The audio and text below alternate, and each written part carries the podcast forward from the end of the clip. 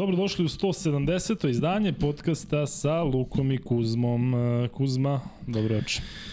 Devet udaraca o zvono da se i na još jedan način oprostimo od dece koja su stradala prošle nedelje I čuvara. u Beogradu i čuvara koji je čuvao tu decu i mogli bismo još mnogo puta vezano za ono što se desilo u Mladenovcu, ali nekako ovaj, ovo sve što se dešava i dana je u tom znaku i šta god mislili, šta god radili, čime god se bavili, negde nam je to valjda uvek u mislima, pa tako i ovde. U svakom slučaju neke stvari idu dalje, život ide dalje, neće tako brzo proći, ali da skrenemo malo misli, makar novih par sati, da pričamo o nekim drugim stvarima koje su pa ne znam da li su bile nešto preterano dobre s obzirom da da je ta dugo očekivana utakmica Partizana i taj, taj dvomeč završen kako je završen. Zvezda je uspela se plasira, budućnost je uspela se plasira u polufinale ABA lige i pričat ćemo još o nekim stvarima interesantnim detaljima širom širom Evrope i, i, i, i naravno na kraju i u NBA. E, da, ima svašta košarkaški, dakle košarka se onako igra na svim frontovima i svuda, što ja volim da kaže, gori. E, da, imamo li još nešto pre nego što pređemo na ove redovne stvari? Imamo danas tri free beta, izlačit ćemo nove dobitnike putovanja na Zlatibor. E, tu nam je Ljove, gde si Ljove? Mahni Ljove. Velja maše, Velja, velja trenutno maše, da. Malo smo da, bacili i taj neke neke proizvode za koje da vas podsjetimo da ih imamo, sve je to Velja pravio, ovaj vrlo ukusno i eto su na stolu, pa eto malo da ovaj se i time ima ima ima, ima loptica u svakoj šolji, vidiš? Da, vidio se. Dobacivaćemo se lopticama uskoro. Da. E, I tako, prošli put je bila atmosfera kakva je bila zato što smo dugo e, vagali da li da radimo ili ne. Radili smo petak, u četvrtak, e, na petak. I radili smo mnogo kraće nego što inače radimo i dalje je ta neka da kažem taj što kaže Kuzma osjećaj je tu da nije sve kako treba i vjerojatno nikada neće biti, ali što takođe Kuzma kaže život ide dalje, tako da i ovaj naš podcast ide dalje. Svakakve stvari se dešavaju ovih dana. Um, generalno, mi smo ovde da pričamo o košaci, ja moram priznati da mi je s jedne strane zvuči malo bizarno, ali eto, kada se desio taj drugi um, masakr, ta druga tragedija u Mladenovcu, mi smo ovde neko Mi bili svi radili, zajedno. da, i bili smo zajedno i makar u nekoj Eto. drugačijoj atmosferi. E, da, tako da sve u svemu, e, kažem, prosto je neverovatno, ja baš sam pričao sada pre nego što je počeo podcast, imam dva načina kojim, kojim dolazim na ovde u studio. Jedan je ovde gde sam hteo da izbegnem zato što nisam znao da li je ovaj protest gotov i onda sam išao tim drugim putem preko Slavije i PAP gde uvek idem na ulicu gde se nalazi škola e, Vladislav Rivnikar i naravno nije moglo da se prođe. I uvek i uvek, kažem, će biti tu, bez obzira što ćemo se svi prisjećati na, na neki takve načine. U svakom slučaju, e, drago nam je što smo tu, drago nam je što smo opet sa vama, drago nam je što ima mnogo toga da se priča o košaci. E, I eto, Kuzma, mi sutra ćemo imati neku košarkašku akciju, hoćeš ti da kažeš o tome sada ili ćeš na kraju ili nećeš uopšte? Pa znaš šta, bolje da saopštim kako je bilo, zato što ovaj, organizator nije baš... Uh, jako je komplikovana organizacija. Pa da ne najavljujemo zato što može stvarno neko i da dođe, a nije tako jednostavno ovaj, uh, i ući i sve i onda ćemo pričati šta se desilo, nadam se da ćemo imati neki snimak lep, vidjet ćete, bit će jako lepo, ali prosto nemamo slobodu da malo to izreklamiramo. Šteta, ali takva su pravila, pa ćemo objasniti zašto su pravila takva kada se sve bude završilo i kada budemo napravili neki izveštaj odatle. Ali u svakom slučaju vrlo zanimljivo i nadam se da će oni koji budu sutra bili na tom događaju uživati. Da, ja moram da otkrijem da se ipak radi o takmičenju za kucavanju između mene i Vlajka Kuzmanovića i igra se do iznemoglosti. Dakle, dok jedan, dok ga ovaj, i drugi ne ponese onako napolje, tako da vidjet ćemo, pa ćemo imati neke snimke. Šalno strano, bit će sutra zanimljivo. Imamo dosta nekih sastanaka i dosta nekih lepih stvari se dešava oko podcasta ovih dana, dakle svašta se nešto dešava i privatno i oko podcasta i sami znate ovako generalno. Tako da neka onako prilično e, luda vremena, ali eto, tu smo zajedno smo i, i bit će sve to kako treba. Hvala Jovanu, hvala Željku na donacijama. Ono što takođe hoću da kažem na početku, to je da ćemo ove nedelje e, raditi malo nekarakteristično za nas, u smislu da ćemo raditi ponedeljak, sreda, četvrtak. Zašto? Ponedeljak, četvrtak standardni termini, sreda posle Partizana, poklapa nam se to da neće raditi e, Lab 76, tako da ćemo raditi praktično odmah posle utakmice, te pete utakmice nadamo se pobede Partizana, tako da pričat ćemo naravno danas gro vremena o tome, ali generalno, eto, da znate da je to plan za ovu nedelju, ponedeljak, sreda, petak. Naravno, otvorit ćemo i novu nedelju što se tiče e, nagradne igre. Dakle, izabrat ćemo danas e, Da, ja sam, već objavio, nedelje. ja sam već objavio parove da ljudi mogu da se upoznaju s tim. Prva utakmica je faktički u sredu, ima dovoljno vremena. A ovde su, da ih ne čitam, zato Izvini, što... prva utakmica je u sredu ujutru, utorak na sredu. Tako, tako je, da, ja sam stavio do 3 sata ujutru do je 3 prijava, sata ujutru je prijava i to molim vas pazite, zato što ako stavite kasnije, Ula, ulazi u crveno, nas- ulazi u crveno, crveno i, i- obeležen je crveno. tako je, da. prosto, ne možete više ni da se ne, Nema, možete nema. da donirate. Ništa možete više ne može. ništa. Ma, pitanje- Paypal ako hoćete. Pitanje možete- je šta se sve dešava. I ako hoćete dođete ovde kod nas u studio, na onu utakmicu sve je zabranjeno, tako da pazite prilično.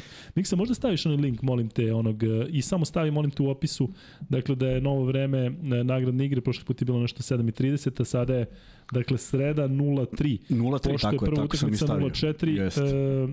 e, peti meč Phoenix Denver, naši prijatelji i partneri iz Galensa to zaista radi jako dobro i ova ovde činija je ponovo Da, ima manje dobitnicima. imena, manje imena, 23. E, Da ih ne bih da ih ne bih, da ih ne bih iščitavao sve, jer prošli put je to zaista izgledalo onako naporno, pa su mi ljudi ujutru pozdrav- pozdravljali sa dobro jutro gmail.com, a mislim da je 99% ponovo gmail.com. A, verujte nam na reč da je 23 imena tu. A što ne kažeš ljudima da je bilo 50 papirića, da su ti Pa sad ispali iz neki su džepova, ispali, dulo, ispali dulo, su, dulo je da. vetar i neki su od, Da. otišli. I Pa ostali smo su samo ubacili- naši. Pa smo samo naši neke otišli, nasumične. Da, da.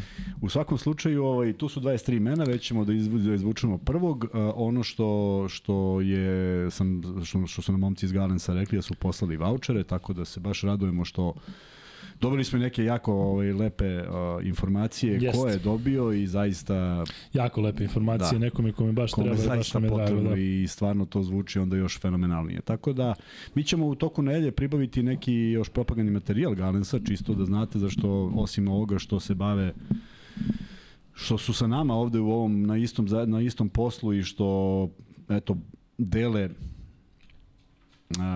odmor za dvoje ili porodicu, oni se takođe bave i prodajom apartmana, iznajmljivanjem apar- apartmana i svega i svačega, ali to kad budemo imali tačno onako da možemo da vam saopštimo, pa možda neko bude zainteresovan i za tako nešto. U svakom slučaju, ovaj, mi smo i na razgovorima vezano za studio s njima odmakli onako poprilično, tako da svašta nešto dobro se dešava u tom smeru. Nebojša Damjanović i e, Sale Božić imaju jako lepe poruke. Da, u tri u sredu. E, svi imate jako lepe poruke. Hvala puno što nas podržavate. Hvala puno što šaljete ovde podrške u ime svih nas e, u vezi ove tragedije. I e, evo sada imate dakle ovaj link gde možete da odete i da odigrate nagradnu igru. Nije, da, pet, to nagradna igra, pomenuli smo da nije nagradna igra. Pa dobro, treba. Zato što treba, po, po, nije nagrada da sad ti nešto te izlače ovo, moraš da pogodiš, igra Da, da, znanja, naravno. igra umeća, Jest. igra je onako. E sad, ono što je ono što je vrlo bitno, ovaj link je isti. Jeste. Da znate i za buduće link je isti, samo se tamo rotiraju parovi, tako da nema nikad novog linka. Jednostavno taj jedan univerzalan koji vas po ubacivanju maila odmah šalje na pet parova koji su urađeni, urađeni sa logom, kliknete ko pobeđuje i to Češ da to. kažemo kojih je pet parova da malo ljudi ovaj, da Ja sam znaju. objavio, ali ajde kaži. Ti misliš da to što ti objaviš vidi apsolutno Ja mislim da nema, nema ko nije video. Evo, nek se javi ako neko nije video. E, za svaki slučaj, ako vam nije radio net ili tako nešto, ja ću da kažem da imamo pet mečeva. Jedna NBA liga, dve Eurolige, jedna španska liga, to je nešto novo što smo bacili, i jedna uh, utakmica iz Fibina Lige šampiona, tako da smo onako napravili jedan miks uh, u ovoj nedelji. Dakle, prvi meč je Denver Phoenix, to je peti meč polufinala zapada u NBA ligi. Uh, meč se igra u noći, odnosno u četvrtak ujutru, sredu ujutru po našem vremenu. Sredo pardon. ujutro u četiri. Utorak na sredu, sreda ujutru u, u 4 i um, treba reći da je u toj seriji trenutno 2-2, tako da je jako bitna utakmica. Onda imamo ove dve, dva meča koji se igraju u sredu, naravno Real Partizan i Monaco Maccabi, majstorice što se tiče četvrtfinala Euroligi, ko pobedi ide na Final Four, ogroman ulog. E, tako da ćete imati priliku da e, pogađate te mečeve. E, stavili smo jedan meč u četvrtak iz Španske ACB lige, Juventud Baskonija. To su timovi koje znamo dobro, zato što su jedni i drugi igri, igrali na Eurosceni. Juventud Euro Cup, Baskonija bila na pragu ulaska u top 8, tako da eto malo da izmiksujemo i sa njima. I onda Gile dolazi kao peti, Tenerife, Hapoel Jerusalim, to je polufinal Ligi šampiona, počinje Final Four gde Džile dolazi sa jako dobrom um, energijom iz prethodne utakmice, pošto su pobedili Makabi u domaćem prvenstvu.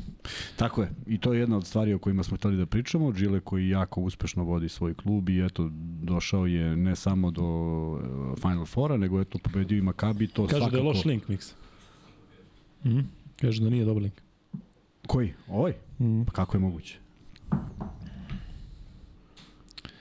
Nema ništa drugo. Mm, Ba, kažem ti, nije... Ne, nekome se nije otvarao i na početku, ali ne znam zašto. Tako je. Šta se otvori? Pa da, i dole piše ubaci ovu adresu. Da, da, da, morate da ubacite adresu, dakle, Tako je. ubacite adresu i kada započnete, ono, to je taj Onda link, izlazi, tako je. samo ubacite email adresu i krenete u, u, u nagradnu igru. Dakle, vidim da ima vas koji verovatno niste ranije stavljali ili to je to. Dakle, samo, samo pratite uputstvo, morate da se ulogujete, odnosno da se prijavite na taj način da bi, da bi vam izašlo tih pet parova.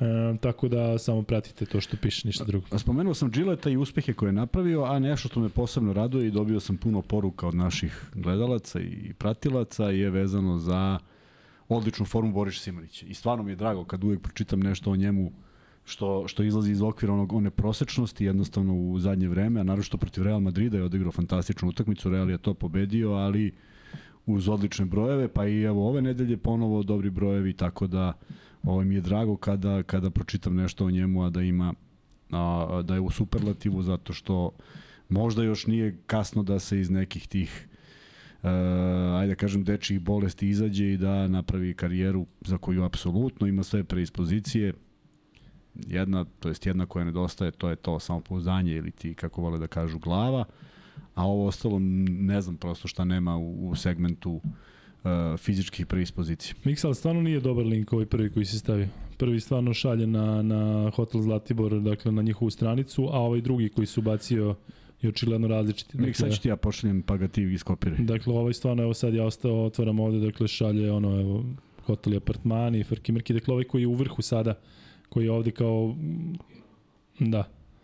Dakle, taj pin možeš da skineš, pa kažem ti samo stavi ovaj koji, je, koji, koji si stavio dole. Čekaj, sad ću ja Miksija pošaljem. Da. E, hvala Borketu na donaciji, hvala Borketu takođe na lepim porukama i da, e, kao što je Kuzma rekao, i ćemo imati fantasy na kraju. Hoćemo. Mislim, ako je Miksi poslao Jel ti poslao možda? Marko. Da, nije Marko poslao. E, Slave prošli put, ali ovaj nismo, nismo ništa Ove nedelje ćemo imati neke sastanke gde ćemo možda znati okvirno neki datum kada se nalazimo na Adi i kada ćemo igrati onu sada već e, unapred znamo antologijsku utakmicu Lukinih i Kuzmenih, dakle beli i crveni, ali zaista šal na stranu i zeznje na stranu, želimo da se družimo sa vama. Biće klope, biće zeznje i zaista želimo da napravimo jedan celodnevni e, ugođaj za sve nas, tako da biće nam žao ako ne možete da dođete, zato što znam da sigurno neće moći svi da dođu, s obzirom na to da verovatno ljudi imaju neke obaveze ili nisu tu, ali svi koji ste kupili dresove preko lukaikuzma.rs, I svi ostali. svi ostali ste naravno, dobrodošli. svi ste dobrodošli, bit će utakmice, ali kažem utakmica će biti samo povod, uh, povod je da se, odnosno glavno je to da se vidimo i da se družimo. Uh, Kuzma na našem sajtu, lukaikuzma.rs, zahvaljujući Velji koji je sada tamo iza onog ekrana, možete videti sve artikle koje nudimo, a možete da pročitate i vaše i naše tekstove, tako Kuzma? Da, četiri fenomenalna teksta ste poslali, mi smo uspeli da, da, da, da ispratimo neki ritam koji smo nametnuli. Što se naših tekstova tiče, pauzirali smo uh, kada je bilo sve ovo, koje, ovi razlozi za pauzu, ali evo danas je izašao jedan koji možete da pogledate, taj jedan susret, kada se susretete s nekim iz NBA lige, a obeleži vam je detinstvo, onako bude vrlo interesantno, ali Uh, vaša četiri teksta su bila zaista dobra, ništa nismo korigovali, fenomenalni su, tako da slobodno pišite ovaj, koje god misli imate i zaista onako nama je drago da pročitamo, tako da vrlo rado ćemo i objaviti, ja ne znam koliko ljudi imaju prilike to da rade, tako da i nekako treba bude inspirativno. Da, da, sigurno. Deki Tomović kaže, Luka, odigrano je, Džile idu u finale. Apropo, verovatno ono što sam Tenerifama dao kup, pa sam, ovaj, sećaš se da je verovatno upamtio Deki Tomović, pa je sa time povezao. 100%. Nije odigrano, nego sad kad tako neko pošli, odmah ja razmišljam, čekaj, ili jeste ili nije. Taj meč, evo, samo kratko, između uh, Hapole i Makabija. Makabiju naravno nije značilo. Makabi je jedna od ekipa koja je igrala Uh, ali ne znam ni zašto su igrali, zato što recimo Fenerbahče nije igrao protiv, čini mi se, Petkima u svom prvenstvu, Partizan ne igra protiv sportskog centra, Real je igrao protiv Unikahe, je pritom igrao sa nekim polutimom, gde je bilo igrača koji su povučeni, ne znam ni odakle, čak možda ne iz onog njihovog uh, juniorskog tima, dakle jednu šestoricu prvi put vidimo, ali su dobili. Uh, I ono što je takođe jako zanimljivo u tom meču između HPL i Makabija su viđene neke nestvarne, dakle, e, toliko sudijskih grešaka, ali ozbiljnih sudijskih grešaka, nešto faul važi na Veneu, kada sudija misli da je vreme isteklo, a u stvari vreme je kada, kada je faul a njemu su računali kada je bio faul, pa je onda izbacio loptu da li važi ili ne važi, oni ljudi ne znaju gde se nalaze i zaista ne znam kako oni Rafi Menko i Iftak Ziv igraju košarku. Razumem da su domaći igrači, ali evo, molim vas, samo ogledajte posle imam još onu molbu za NBA ligu, da vidite kako igra MVP uh, e, Joel Embiid. Ali uh, da vidite kako igra Rafi Menko, Hapoel, Makabi, uključite posljednju četvrtinu. I gledajte dok li imate snage da ne morate da idete do WC-a. Sam, dakle, mu, bukvalno je mučno čovjek koji nema osjećaj za teren, za faul, za bilo šta. Bukvalno misliš da je tu zato što nešto, znaš, petlja da je neki špijun koji treba da, da namesti ovamo. Kažem ti, evo, ako nisi odgledao, odgledaj. Rafi Menko koji pre toga dao čak neke trojke, ali kažem, džaba kada čovjek napravi 18 grešaka za redom besmislenih, neko šarkaških. Što se tiče Joel Embiid, ajde da ne bude da ostavim za kraj, vjerojatno će zboriti. Taj čovjek se tako, mislim nije još ni blizu 12, on se tako ukenjao u poslednjoj četvrtini u poluvremenu. Sigurno nisi gledao uh, Boston ba, Philadelphia četvrta. Dakle, Al Horford ga je ne spakovao. Al Horford ga je ponižavao. Da opet kažem, kao u slučaju Menka, ali ovde mi ga je bilo žao da sam morao da ono, idem na silu WC i da menjam kanal. Samo pogledajte posljednju četvrtinu četvrtog meča Boston Philadelphia i Harden ga izvuče onom trojkom. Tako da pričat ćemo NBA ligi, ali Joel Embiid je nestao sa planete Zemlje. Horford koji ne igra odbranu, samo stoji ispred njega, a ovaj se tres. I ne jednom, ne dva puta, nego pet puta. Mislim da mu udario četiri ili pet blokada u posljednjoj četvrtini. Al Horford, Joel Embiidu, koji je niži za glavu. Četiri ili pet blokada, dakle evo neko će možda da vidi ovaj, e, taj podatak pa će poslati. Tako da eto tih nekih par bizarnih situacija čovjek je zvanično najbolji igrač na svetu, a samo kažem eto uzmite kao uzorak tih nekoliko minuta u posljednjoj četvrtini i, i ove izgleda prilično smešno, ali dobro. E, Kuzma, ali imaš nešto pre nego što krenemo na ove tekuće stvari, ti Mikse možda staviš pol da vidimo koliko koga ima, pa ćemo možda u odnosu na to i da vidimo o kome prvo da pričamo. Zvezda je završila sada, o Partizanu treba da pričamo, pa ćemo ovaj da napravimo neki Ne, mislim da, da malo pričamo o Zvezdi iz prošlog razloga što je prošlo 9 ili 10 dana od prethodne utakmice. Sve zbog toga što, što, što se Partizan bori za hm, Final Four, što je potpuno razumljivo, ali oteglo se nikada playoff nije bio na 7-8 dana razlike između dve utakmice, tako da ajde da pričamo makar o ovome što smo danas gledali, bar ja jesam uspeo da stignem da uhvatim. Uh, jedna utakmica koja nije delovala kao playoff utakmica, nije delovala kao utakmica sa mnogo energije, delovalo je da Samo je delovalo da Zvezda može da ubaci u neku drugu brzinu, a onda kad ubace u drugu brzinu, onda vrate u tu neku prvu, pa prospu sve, po ko zna koji put. Nije to bilo ništa spektakularno, ali ja mislim da su svi presrećni što nema Ćao, Veljo, vidimo se. Ja, ovaj budi nam dobar. Što, što, nema, što nema treće utakmice, jer mislim da to je bio jedini cilj. Ništa tu nije bilo spektakularno, osim uh, odličnog izdanja Mitrovića, koji je uvek ovaj, maksimalno fokusiran. Uh, mislim da je na kraju utakmice Stefan Marković pokazao neko, neku zrelost. Ovo ostalo, uh, gore dole. Uh, publika koja je lepo pozdravila igrače, žao mi je što nije bila u što nije bilo više navijača, jer ovo je ipak poslednja utakmica u sezoni. Prelepa je dvorana, zaista, mnogo drugačiji ambijent nego onoga u kojem sam ja imao prilike da igram i svi mi tamo ranijih godina, ali ovaj, ne nešto posjećen, međutim, jedna onako revijalna utakmica, stvarno ne deluje kao play-off utakmica, ni po poseti, ni po angažovanju, ni po onome što u stvari može da ponudi Zadar koji ipak ima jedan stil igre koji ako prođe, prođe, ako ne prođe, nema, nema teško je smisliti neki plan B. U svakom slučaju Zvezda bez mnogo euforije, bez mnogo zadovoljstva, deluje kao da je utakmica u sred onih treninga jakih.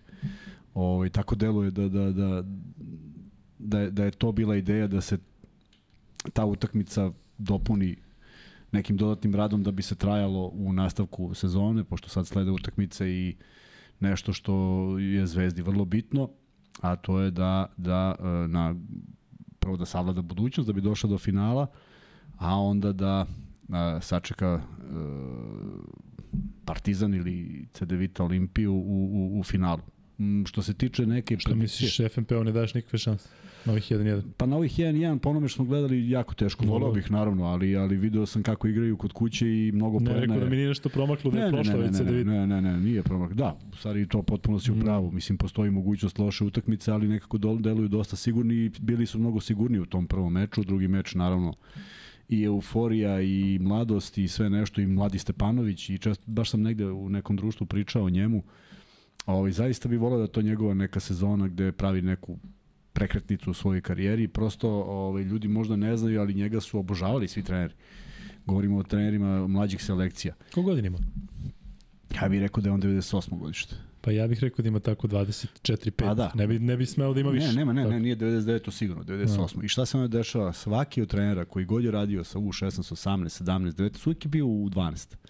Zato što je mm, e, kasno sazreo. Dakle, on nije bio e, na nivou pojedinih igrača sa 17-18 godina, jer se jer se još razvijao, ali evo sad ovo što radi u posljednjih mesec, mesec i po dva, delo je zaista ozbiljno i volao bi da napravi iz svega toga jedan veliki iskorak zato što ima kliker i kažem, ne bi ga uzimali treneri bez razloga zato što je vrlo pametan igrač, samo mu je nedostajala ta neka uh, uh, snaga, ta neka um, pa možda i neko usmeravanje u pravom smislu, pa onda malo i nekog um,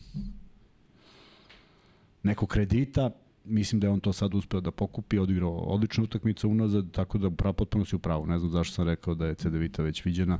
Ajde da vidimo i tu treću utakmicu u kojem bi volao ba- baš njega da vidim zato što je to jedna od utakmica koja je možda i ono highlight sezone.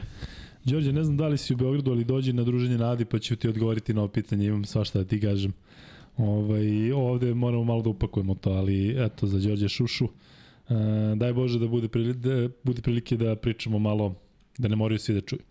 E, Kuzma, Um, o ovoj utakmici između Zadra i Zvezde možda se priča na više načina, ali hajde da počnemo e, o jednom koji je meni vrlo zanimljiv. To je ta poseta. Dakle, da li ima smisla da ako ti dolazi Zvezda, koja je napunila sve dvorane svuda, i igraš po četvrt finale ABA lige, i nema ljudi, ja ne znam, ja sad, evo mogu da nam pišu naši ljudi iz Hrvatske, odnosno ljudi koji gledaju, da li je možda tamo u njihovom nekom finalu Hrvatske lige puno dvorana kada se igra proti Cibone ili kada se igra proti Splita, kada postoji te neki rivalitet, ja iskreno sumnjam. Ali koja je poenta? Ne razumem poentu zato što, kažem, valjda je ovo kruna sezone i za te navijače. Pa jeste, sve, Imaju ljudi MVP-a i dolazi Zvezda da. Da. sa tim kampacom. Uvek porentiramo kao da je kampacu i svi ostali Zvezde da, su dolazi nepostojeći, sa- ali da. dolazi ipak je taj kampacu neko koga zaista ljudi hoće da vidi. I to smo pričali kada je on sam napunio halu dole Da, da, da. u Morači, kada je onako odjednom, znači jednostavno ljudi hoće da vide igrača koji, kako kažemo, unosi magiju i jednostavno nema. Da li onda ima smisla uopšte ovo čemu, čemu mi pričamo ta ABA liga, ako ljudi jednostavno tamo to ne žele da gledaju, niti mogu da budu konkurenti. E, ali vidi, ovo, ovo je dobro pitanje za nekog od igrača Zadra. Da možemo da ga kontaktiramo i kažemo kako se on osjeća. Pa zato što, zato što to zaista daje onako jedan, jedan, jednu lošu poruku. Čak ni, ni, ni Zadar je, nije veliki grad, dakle nije, ne verujem da je komplikovano doći na utakmicu, ne verujem da su skupe karte, ne verujem da je bilo šta posredi da, da oteža nekog, možda je malo neobično vreme, 5 sati. Pa aj kažeš, možda ne mora da bude puna dvorana, ali neku podršku da osete, dolazi ekipa koja igrala Euroligu, da li je e, g- grad sa tradicijom, grad koji uvek imao i dobre igrače i dobre trenere i sve Tako živo. je, dakle, zaista imaju, da, imaju znači, sve. postoji, ja razumijem da su na neko mesto ad hoc, pa ajde. Bivši šampion ABA ligi, između ostalog. I, i, i bivši šampion Jugoslavije. Što nema baš da sad ti kažeš ima 48 klubova. I sam Nema kažeš, dvorana zaista deluje... Da, da, da, Fantastično. neverovatno, tako je. Tako da šteta, to mi je prvo što mi je palo u oči, ali ovaj, takva je klima, da li... Ti, mi, meni nije jasno tačno šta ovaj, znam, shvatam donekle šta ponekad kažu iz Hrvatske vezano za ABA ligu, ali ne kapiram, ne kapiram tačno. Ne mogu da ukapiram nikako ovaj, šta je ideja. Kakva je poruka, da. Da, kakva je poruka, šta uraditi, zato što sam ja uvek zagovornik onoga i, i to i dalje mislim da će da, da, da Srpska liga može da postoji. Možda bi trebalo neko vreme, ali sigurno može da postoji. Hrvatska jako teško može da postoji sa kvalitetom i brojem klubova i, i, i u krajnjem slučaju potpuno razumem načinom finansiranja. Sve to stoji, da se razumem. Ali A, Slovenačka liga uvek se vrti oko Heliosa, Krke i, i, i, i, ovaj, i Cedevita Olimpije. I to Cedevita Olimpije koja je otišla u, Zagreb, u Ljubljanu, a bila do, to, do tada u Zagrebu. Znači ona da. se vrtila oko Heliosa i Krke, pa se pojavio neki Tajfun, je li tako? Pa je Tajfun ušao... Šenčur. Ne, ima i Šenčur i onda. Pa je Tajfun ušao u prvu u ABA ligu, tako bilo?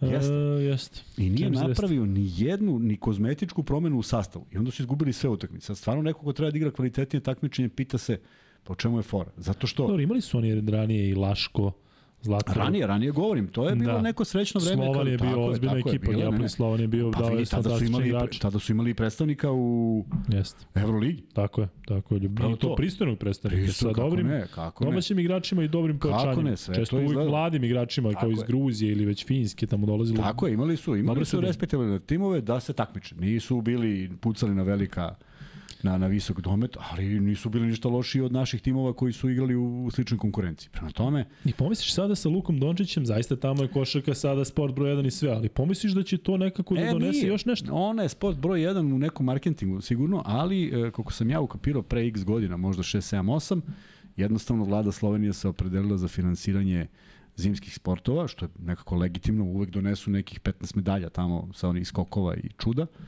Košarka je prepuštena samom sebi. Futbol, ne verujem da se finansira uopšte od strane države, zato ga i nema više, a sećaš da smo malo zavidjeli Slovencima kako je to sve organizovano. Prosto, prosto prepušteni su nekim sponzorima, naravno tu para uvek nedostaje, nedostaje i košarci, ali e, trebalo, moralo je da se desi nešto na, na, na, na krilima tog e, prvog mesta, međutim nije mnogo. Ti ako pogledaš absurd potpuni je da ni jedan igrač ne igra u Sloveniji, tako? Ni jedan, jedan član slovenačke reprezentacije ne igra u Sloveniji. Moguće da sa onog 12 najboljih oni što su igrali na olimpijskim igrama. Tako je. Znači oni oni ni ni, potrebna liga za to i oni su po, po, onda su potrli sve ovo što mi pričamo, da, nemamo jako ligu. Ne, ne, ne, 100%. Pa ko? Nemoj sad 11 ili 12 govorim ti o igračima ne, koji su... Ne, zove iz Partizana, za boga što je zamenio Jakub Blažića kao glavni u CDVT. Murić, jedan. Pa da, on je tad bio, nije bio u Ljubljani. A u tom trenutku pa, bio u da, CDVT, da, da, da. da. da. Žiga onaj visoki možda. Nije ni on izašao negde bio, da. Mislim, aj, znači, pazi, podatak koji 100% da, da, da, dobro, dobro, neko da, da ne neko, tražim sad ja bez veze. Čak je neko to apostrofirao, kaže, ako pričamo o tome što Srbija nema ligu ili nije dovoljno jaka, pogledajmo Sloveniju, kaže, niko ne igra u domaćoj ligi. Nije to dobro, to je moment, to se pogodi generacija, to se nešto sve poklopi. Ajde da se setimo gruzijske reprezentacije kada je Kokoško bio trener. Pa to su bili fenomenalni 6, 7, 8 igrača, al tako? Jeste. A što ih nema sada? Pa ne mogu se proizvode takvih 6, 7, 8, prosto ono letelo nešto Šermadini sa svim svojim manama i godinama koje ima, on je ozbiljno igrao košarku, je li tako? Kako ne, pa igri dalje. Igri dalje. Pačulija, Pačulija, da nisu ovi pojedini imali povrede raznorazne, to bi isto bila reprezentacija za respekt. Ali tu se završi. To je to, je to i onda kad dođe sledeći ne prepoznaš ga kao takvog. Tako će i Sloveniji da se desi u krajnjem slučaju. Nema tih igrača koji sad mogu da zamene. E, Kuzma, što se tiče utakmice između Zadra i Zvezde, možda grešim, molim vas mi ispratite, odnosno ispravite me ako grešim. E, ti si pomenuo kako nije bio minut ćutanja na mečima Evrolige e, ovim da. drugim. Da. Ja koliko sam video na onom semaforu, minut ćutanja je bio, ali zato što je preminuo Damir Šolman i treba da bude, međutim niko nije pomenuo ove žrtve iz Beograda. Govorimo o ABA ligi, koja je u četvrtfinalu ima četiri tima iz tog grada. Dakle, ne govorimo sad ono što si ti rekao, pa Euroliga ima dve, dve ekipe iz tog grada, pa treba, to mi je čak malo i dalje od ovoga. Pritom Zvezda igra.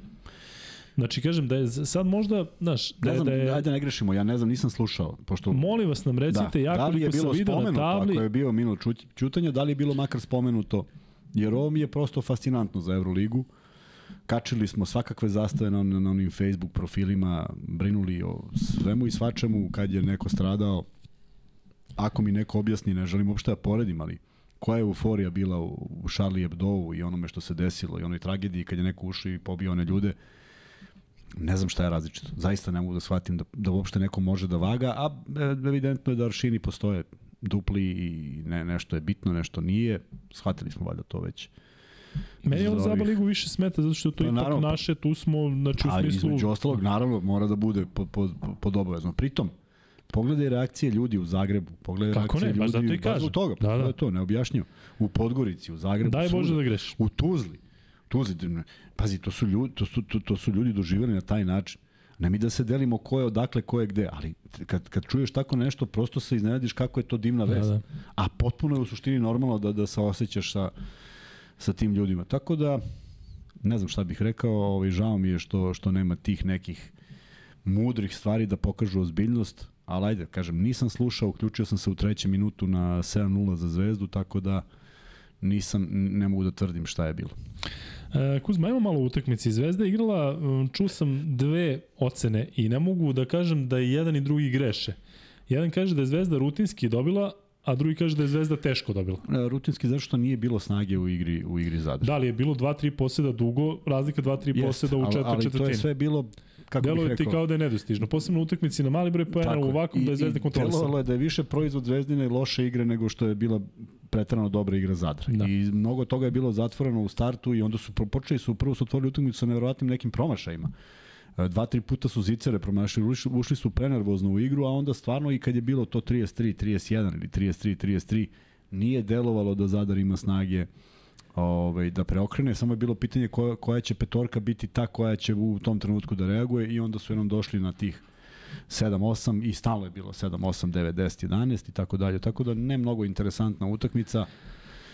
Uh, ali ono što je problem i čemu, zbog čega sigurno može da se nerira Ivanović, to je činjenica da se ponovo prosulo 13 razlike. I to, ja mislim, za minut i po. Ne znam da li je prošlo više. Tako mi je delovalo.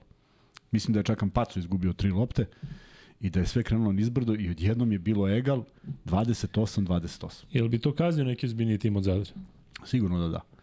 Sigurno da da. Ovaj... A da te ovaj- pitam i konkretno, da li bi to kaznila budućnost? Da li budućnost na tom nivou iznad Zadra da bi Zvezdi napravila problem mislim, zbog Mislim da jesu kvalitetniji, ali, ali ne mogu da kažem da igra, da igra budućnosti mnogo mudrije. Naime, i ovi su pokušali vrlo brzo da preokrenu, pa nisu bili zadovoljni sa tih 13, nego se nastavilo u istom, da.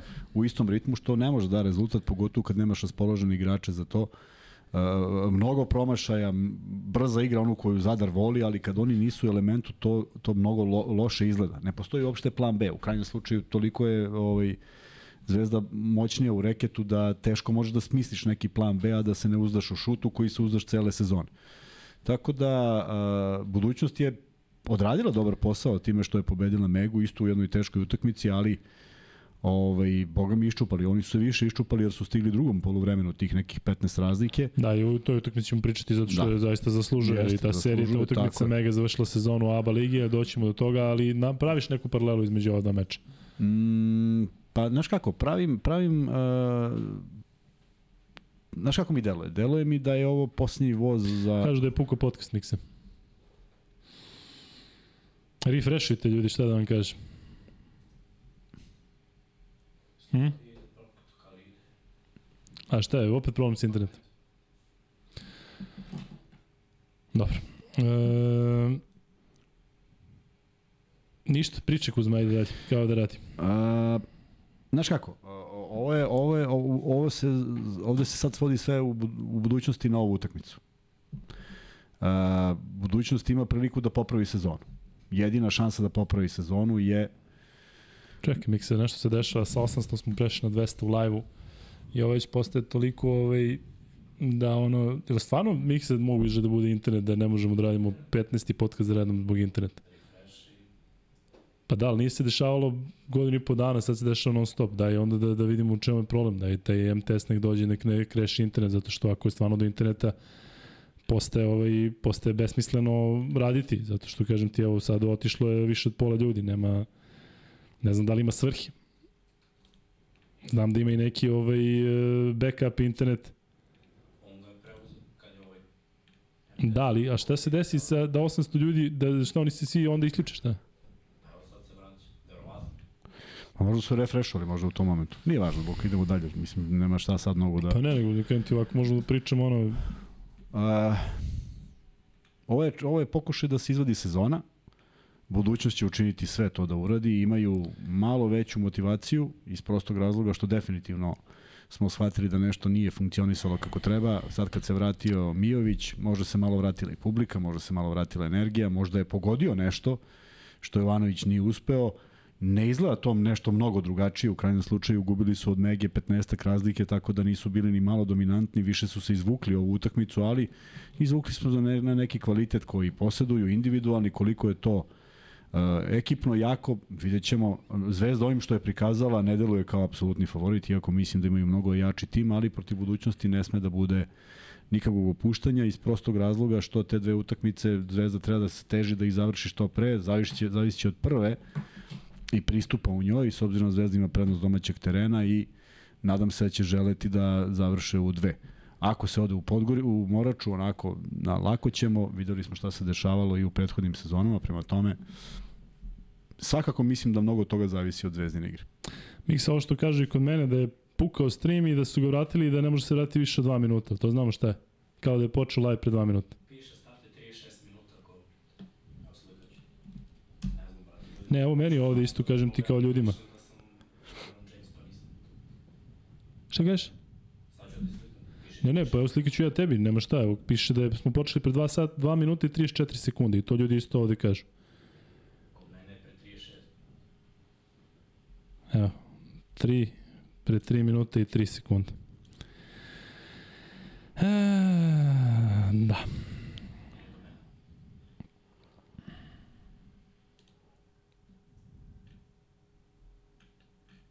Šta ti očekuješ od utakmice Zvezda budućnost? Pa od utakmica, nadam se da ovaj... Dobro, pa naravno, mislim, od, od, od duela. Ne nadam se samo da neće biti iskreno incidenata, ovo što se tiče ostalih stvari, toliko sada sam uh, i onako Ne, misliš na navijačkih? bilo čega. Ne. Znači sad samo samo se nadam da će biti košarke i ono što mene evo da ti da da vratim pitanje nešto što sam hteo da te pitam. Um, mnogo ružno deluju play-off utakmice u Euroligi, NBA ligi i ABA ligi u smislu kao da su neki igrači prvi put uzeli loptu ruke. Ja sad dajem primjer Embiida kao najboljeg u NBA ligi, ali ova utakmica Zvezde, i Zadar i Zvezde nije bila gledljiva. Nije. Neki mečevi i Evrolige su bili baš ovo. Dešava se da neke ekipe izgube 40 Ulog, razlike u NBA ligi, pa sledeće, posle dva dana odu na 40 razlike. Se to nešto dešava? Ja to nisam primetio ranije, takva neka odstupanja od nečeg normalnog. Ne znam šta bih ti rekao. Kad Sacramento Kingsi pravu, koji su da. hit sezone, drugo polovreme ne ulju daju koš 60 minuta. Dakle, Gledali smo, se dešava. gledali smo Monako u dva izdanja, li tako? Gledali smo Monako u četiri utakmice u dva i po tri izdanja. Da. Zašto je to tako? Da li se stvarno igra nešto nonšalantnije u smislu kao lako će se ta utakmica peta završiti? Odigrao jednu treću koja je bila izuzetno dobra. Prva nije vredna pomena, onda četvrtu budu dozvole da budu poraženi 40 razlike, što nema mnogo neke veze, da li je 4 ili 40 ako si izgubio i ako se vraćaš u, u seriju u petoj utakmici, ali ne bih mogao ti objasnim. Zaista ne znam, mislim da je, da je, da je, da je jedan od glavnih razloga broj utakmica koji se igra i da jednostavno ne mogu sve da budu na tom nivou. Um, Kuzma, što se tiče Zadra i Zvezde, kažeš da Ivanović ponovo može da poludi zato što njegova ekipa radi neke Može, stvari da. koje su postale simptomatične. Je to sad već problem koji je teško rešiti u preostalih nekoliko utakmica ABA lige? Dakle, Zvezda u najbolje varijanti možda da igraš sedam utakmica ili osam. Dakle, ali da li sada zaista treba da se brine da je to nešto što jednostavno je deo ovog tima, da ima te padove i da daje bukvalno neke šanse protivniku. Dakle, to smo videli u Euroligi jedno vreme, pa se onda podiglo. Sada evo koja je utakmica, ne mogu da kažem za redom, ali Zvezda to... Ne, nije za redom, ali ali postoje ti padovi koji su koji su evidentni. Čega su proizvod zaista ne znam, ne mogu da ti kažem kako je Kampaco izgubio tri lopte. Brzinom svetlosti, prosto da. toliko je hteo nešto drugo, ispalo je ovako, ali o tome pričamo. Zvezda nije Zvezdi se to nije desilo u Jadranskoj ligi da bude kažnjena za to. U Evroligi jeste. A mada pogledaj sad, ova utakmica i ona utakmica u Beogradu protiv Zadra. Kako uopšte dozvoliš da izgubiš protiv Zadra, je li tako? Da. To su to su neke stvari koje koje koje ima koji ovaj tim ima ima tu neku boljku i ne može da je reši i Vlada Jovanović je otišao posle te utakmice, al tako? Da. Tako da to su neki problemi, ali ajde vidjet ćemo kako će reagovati kako će reagovati Ivanović, da li će uspeti da ajde da kažem konsoliduje ekipu, mada ja mislim da da svi igrači tamo imaju i dovoljno uh, kredibi- kredita kod njega i da su uh, neki napredovali, neki možda ne toliko, ali da su se neke stvari poklopile. Naime, deluje da bi trebalo da već znaju koje im je mesto u ekipi. Uh, što se Bentila tiče njegov povratak, kojeg dugo, zaista dugo nismo gledali, on je bio više nego korektan u nekim rezonima. Dakle, počeo je da ubacuje loptu u reket, počeo je da radi neke stvari koje su mu bile strane, gledao je samo koš i gledao je kako da se oslobodi lopte. Prosto tako mi je delovao, danas mnogo smislenija igra u celoj toj konstelaciji. Da li je to dovoljno, da li očekivati da on nastavi seriju utakmica, da li e, će biti neko od koga zavisi, zaista ne znam, teško je reći, ali e, opet se vraćam, veliki broj utakmica i jako je teško, jako je teško držati taj kvalitet, taj nivo utakmica na, na svakoj utakmici i kažem, eto, sećaš se onih vremena u kojima se u koje se često vratimo pa kažemo zašto je bilo tako zato što niko nije bio na radaru ovoliko koliko su savremeni igrači na radaru. Faktički možeš da pogledaš 60 njegovih utakmica u sezoni. Nema ni jedna sakrivena, al tako? Da. Ti na televiziji možeš pogledaš bukvalno svaku utakmicu. Prethodni period, unazad 5-6 godina, nije to bilo moguće, pa si gledao ovamo sporadično, pa ti nekad delovalo da neko igra savršeno, neko nekad manje ali jednostavno sada su i toliko izloženi i danas sam razmišljao da su nam, da su nam dva momka koje smo zvali rekli su nam da ne žele da pričaju bilo šta, ne da imaju neki, neki otklon prema nama, nego jednostavno kažu da nije vreme.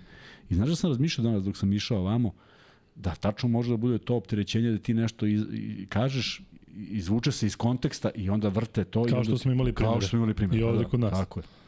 Tako da, ovaj, da, nezgodno je, ali šta opet, e, sa druge strane, ne razumem toliki strah zato što to može da se desi svuda, to može da se desi, može sad da te vidi neko na ulici da ti nešto ne, može sigurno, znači, ti ali... znaš šta si rekao i razumem da nije prijatno da, kada te da. provuku da, tako da, ono. naravno, ali negde treba da znaš da stojiš da. iza toga što kažeš i da nije neki problem. Da, ljudi imamo trenutno 210 lajkova kada dođemo do 500 lajka, uh, inače imamo prvi free bet. Ali ćemo tada ako se Kuzma slaže da na 500 lajku izvučemo prvog Ne, sad ćemo izvučemo a 500 a free bet 500.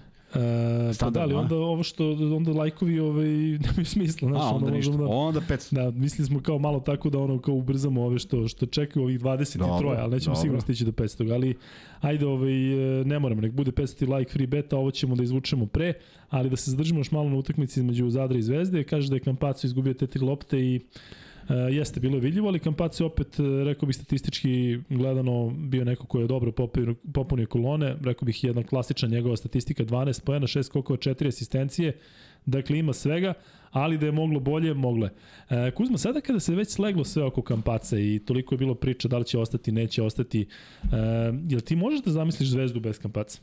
sledeće sezone ili do kraja ove sezone ili u smislu on sada postao taj neki motor da. koji je nezamenljiv u smislu da zaista, znaš, nekako bilo čudno sada da... Znaš kako mi sad deluje? Sad, sad mi deluje da kad kažu bilo koje drugo ime, a da bude vrlo pristojan, da, možda da. i u nivou, ono, e, kao, nije to to. I onda, da. znaš, neki otklon kao trebalo je.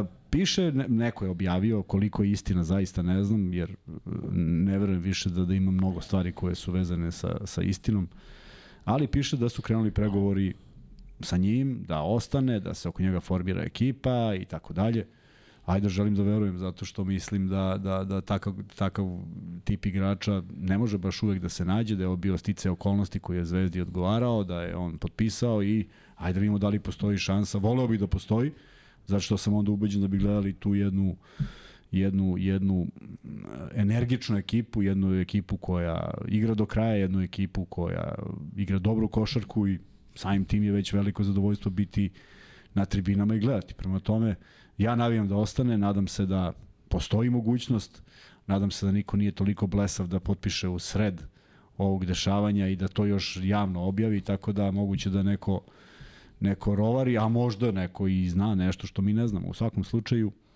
kažem, voleo bih da, da i Zvezda zadrži pojedine igrače, Partizan ako može da zadrži pojedine igrače, i da, da opet gledamo dobru košarku.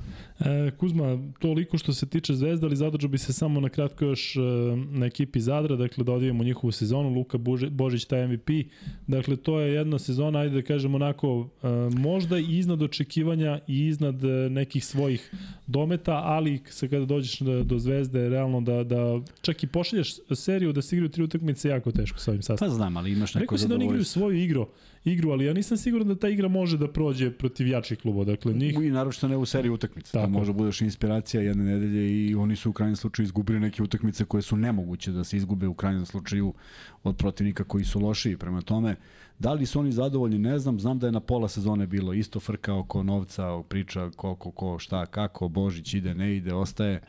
Sve to utiče na igrače, ali igrački je zaista interesantno izaći i dati sve od sebe i pokušati. Da li jesu ili nisu, zaista ne znam. Ne mogu da kažem da sam baš Zadar gledao nešto pomno ove godine, ali mislim da su jedna specifična ekipa što se fizionomije tiče, odjednom shvatiš da nema centra, a svi su centri, odjednom shvatiš da nigde nema bekova, a svi šutiraju, pokušali su da iznenade nekoga. Jesu, zvezdu jesu i u krajnjem slučaju zakomplikovali ovoj poziciju u borbi za finale, ali van toga neke velike domete niti sam očekivao, niti, niti su se desili. KG, pričali smo Aleksi Stepanoviću, ne znam da li si se uključio naknadno ili zbog ovog streama nisi uspeo da vidiš, čuješ, ali je to sve što nas pitaš, sve smo već pomenuli. E, Kuzmo, toliko što se tiče te serije koja je gotova, malo smo najavili Zvezda budućnosti, znamo kad počinje ta serija, ja nisam uspeo da, da gledam. Pa ne znam. Da. Um, Ja mislim da će Partizan morati da odigra Moraće da utakmicu se završi, u da. subotu, pa da se nešto desi. Glupo da ovo počne, a da ovo ne počne. mislim. Tako je. Što se tiče e, ostalih serija ABA lige, dakle CDVita, FMP, e, 1-1, igra Kad se igra? četvrti, odnosno Oni su, treći igrali, oni meč. su igrali u... Da, i vidiš... Oni igraju u subotu u 7. Opet 7 dana. Da. Pa onda će, da, verovatno u vreme kada se igra Partizan prvo. Mislim, istog dana ili, ili taj vikend. Još E, nije odlučeno za Partizan. FNP, dakle. FNP je dao izjavu da su tražili da se odloži utakmica, nisu im izašli u susret. Sad opet niko ne zna zašto. Ja sam mislio da nije moguće da se igra. Da nije uopšte po pravilima. Igrala se i mega budućnosti i ovo se igralo u Euro, valjda kada su dani žalosti, da, nema da, već. Da, Ništa mi nije jasno. Ni meni isto. Ne znam šta da kažeš, ali... Ovaj, FNP kaže da je tražio, da im nije dozvoljeno. To je malo besmisao, ako je dan žalosti, onda je dan žalosti. Ne znam, ne znam. E, ljudi, ljudi sad koriste, ljudi sad koriste nešto što je ipak drugačije. Ja ne mogu da poistovetim Euroligu i i ABA ligu. Ne zato što je ovo važnije, ovo manje važno. Ne uopšte zbog toga. Zato što da je u Euroligi to bila bilo koja regularna utakmica gde, Da. da. se, gde može da se, ona bi bila odložena. To sam 100% ubeđen. Ali ajmo samo malo da razmislimo kako bi moglo da izgleda to, do, to odigravanje te utakmice. Dakle, Real mora da se vrati da bi odigrao protiv Unikahi. Peta utakmica je kod njih na terenu, ako se uopšte četvrta završi, završi njihovom pobedom. U kom momentu oni dođu ponovo u Beograd? Mislim, šta je, kažeš, dođite u ponedljak. Ili dođite u nedelju. Dakle, nije bilo lako. I jeste specifično i slažem se da je trebalo da bude odlo- Sad ono što, o čemu, sve što smo pričali tokom sezone, kad će da se igra, šta će da se igra, ali čini mi se da i dalje smo u istom tom, dakle i dalje se nešto rešava iz dana u dan. Dakle, nema ni Da, dalje neke da. opcije, ono, znaš, mi smo u, u septembru oktobru se ti e, postavljao to pitanje šta će se desiti ako. I sad se desilo to ako, izgleda I niko nema- nije drugi ništa, imao, da, znaš. Ništa nema, nema. Jako je teško zato što prosto ovaj moment. Međutim, za Jadransku ligu, koja je je kilometraža znatno manja, gde čak i ne moraš, nije, nije Slovenija nenormalno daleko. Ja, ja, ja sad prosto sumnjam da su igrači železnika išli avionom. Da. Pa mislim, nema veće razlike da li su otišli do Niša. Malo je dalje. Tako da, da. stvarno mogla da se odigra i danas, evo igrala je danas Zvezda, mogla da odigra i FNP, ali ajde, na, na stranu. Ajmo malo o toj utakmici 102-96 u drugom meču serije, FNP izjednačio. e, Da, mm, 102 poena dati za, za svaki respekt. Tri, ja mislim da ima tri dvocifreni, to nešto po 20 poena. I Stepanović i... Da, ovo je bio Bo Beach ili Da, Bio i Beach, Beach, je odigrao da. jako dobro. Jest. Manning 21, Beach 26, Stepanović 24 Tako i onda sledeći strelac ima 8. Dakle, da, malo baš, raspodela tako je. poena, ali su ovi baš iskočili. U CDVita Olimpiji Jogi Ferral 22 poena, imaju još e, trojicu dvocifrenih, to su da imaju Murić, više dvocifrenih, da, nego, nego FNP. Adams i Dragić. E, u svakom slučaju, baš ovo što je Kuzma rekao, malo da najavimo i tu majstoricu, iako ćemo raditi još podcasta do tada, e, ne daješ prevelike šanse FNP ovde Dajem, tamo. dajem šanse. Malo sam se zaneo ovaj, zato što negde mislim da je igra se na domaćem terenu i ipak su iskusnija ekipa u krajnjem slučaju, ali naravno da dajem i volao bi da ih vidim u onoj, onoj, onom, na onom intenzitetu borbe i želje, da budu, da budu da bude veća nego protivnika, neka to može da, da, da doprinese mnogo drugačijem stanju na terenu, ali što se iskustva tiče zaista pripada ekipice Devita Olimpije. Sam Dragić imao sezona u nogama koliko Stepanović ima godina, otprilike tako mi nekako deluje. E, da, i onda ova serija e, koja, koju smo već pomenuli, mega budućnost 2-0, mega vodila, kontrolisala meč, ali čini se da je neiskustvo došlo do izražaja. Jeste, vrlo moguće, da. Ali te budućnost, je li to više te oduševila budućnost što je napravila preokret ili je do Mege da zaista ovi momci možda ne mogu da iznesu jedan takav meč? Mislim da nisu, nisam gledao utakmicu, ali mislim da, da, da nisu, da nemaju taj kapacitet da, da odigraju do kraja. Pogledaj utakmicu protiv Zvezde gde je četvrta četvrtina bila fenomenalna, ali tri su imali neki preveliki respekt. Ovde su prosto upravo, upravo u prvom poluvremenu vodili 12, 13, 14, 15 razlike, nisu uspeli da drže. Dakle, ima tu oscilacija, mnogo toga zavisi ko je na parketu, ipak je to ekipa koja nema mnogo sezona u nogama, nema mnogo iskustva, talenta apsolutno imaju i eto, pokušali su čak i u toj završnici, došli do jedan razlike, ja mislim da su primili trojku, pa je ostalo slobodno bacanje koje je neko pogodio. Tako da je zaista bila neizvesna utakmica i mislim da su probali sve što su mogli, završili sezonu na ovaj način, ostaje u stvari sad KLS. Kad smo kod KLS, opet za mene jedna iznenađujuća vest, vest koja mi nikako ne prija, ne mogu da je razumem, koji god da su argumenti. Ovaj, žao mi je što Partizan neće biti deo te lige, ne mogu da prihvatim, igrali smo u težim vremenima, u gorim uslovima, sve je nešto bilo naopako, mnogi ti timovi koji su baš igrali protiv Partizana, koji u tom periodu bio jedan od moćnijih, su imali neverovatne probleme, pa nisu odustajali i finansijske i Jel taj... misliš da je to to? Jel to znači da Partizan neće igrati to što sad ili može da se nešto ispegla ako se već nešto Ja desi? sam razumeo da je Partizan poslao kasnije od predviđenog. Tako sam ja razumeo, ali misliš da je su to rekli sada... nego- Pa ne znam, pa ne znam. Pošto je drugačija situacija odnosu na prošlu sezonu, ali delo da će ishod biti isti. što je- će biti isti ishod. Mislim da su svesno propustili taj moment. Ne možeš Da. da. baš da niko se nije setio. Mislim, nešto mi neverovatno. E, Šta dobro. se, šta se time dobije? To je, ja, bi, ja, ja nemam problem. Ima neko svoju ideju i okej. Samo da im šta se dobije. Ja koliko znam, Partizan je imao problem sa KLS-om, ne, ne kažem da je sad to, ne znam, zaista ne znam, mogu da vam svoje mišljenje, ali ne znam da li je to sada reakcija nešto, ali svi problemi koji su bili na relaciji KLS Partizan prošle godine nisu izgleđeni ove godine.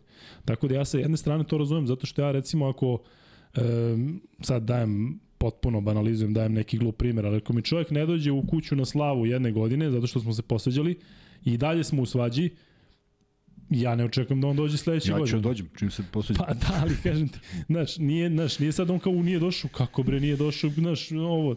Tako da sa te strane ne znam koji su problemi, ne znam šta nije u redu, ali očigledno nešto nije u redu. Način na koji se to radi jeste zaista pomalo bizaran i čudno da se deša u ovom momentu kada Partizan zaista deluje kao da je Partizan potpuno fokusiran na Euroligu, pa su možda zato zaboravili da pošalju. Sumnjam da je tako, ali um, šta se tu gubi, a šta se dobija? Ko dobija, a ko gubi i kako možemo sada da pregledamo celu tu situaciju, da kažemo, eto, da kažemo Partizan ne igra KLS, Pa vidi ovako, mi, mi godinama pričamo zašto se igra KLS, zato što su navijači u Srbiji zaslužili da vide Zvezdu, Partizan, FNP, Megu, sve te klubove koji učestvuju u Jadranskoj ligi, ne gledaju ih širom regiona, to je širom naše zemlje, pa ajde da pogledaju. Pa su se ad hoc pravile lige koje su samo uzimale e, vremena za odmor igračima, mnogi su imali problema da se vrate u formu, sve nešto bilo naopako, ali je išlo u cilju toga da je košarka glavni sport u ovoj zemlji, da svi treba da vide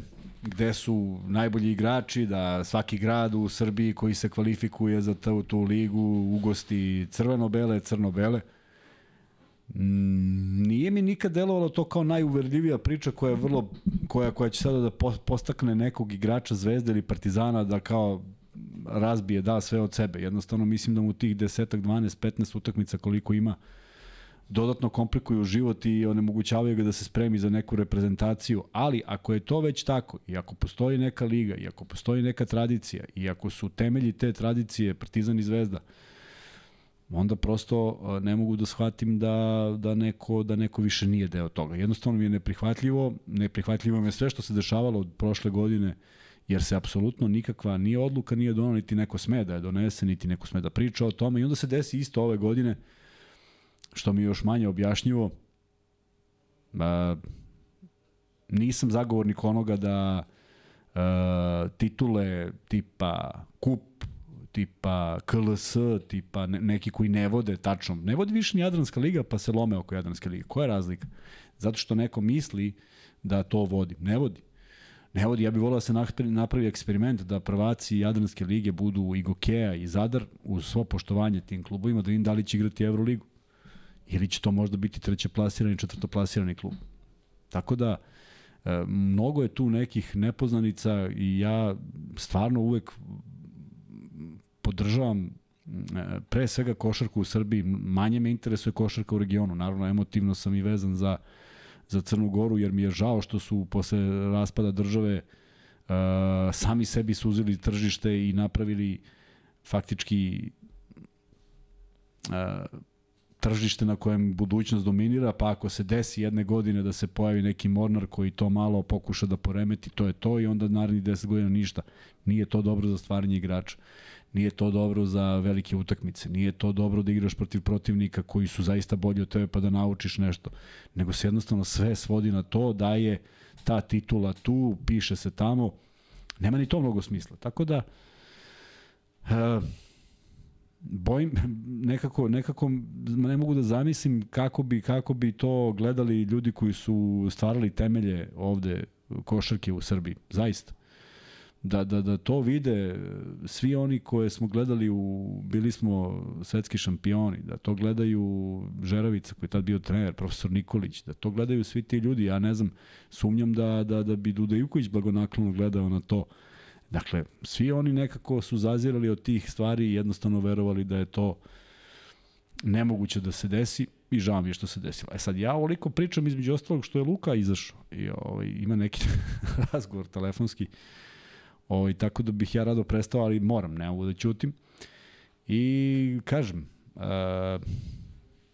nije to ista liga, nisu to isti odnosi koji nikako, a mi ovde zagovaramo, eto koliko već godinu i po dana, zagovaramo i borimo se protiv retrenjača i zagovaramo neko, neko poštovanje uzajamno, onda se dese te neke trade, tragedije koje treba da nas ujedine, ne vidim da nas ujedini i to.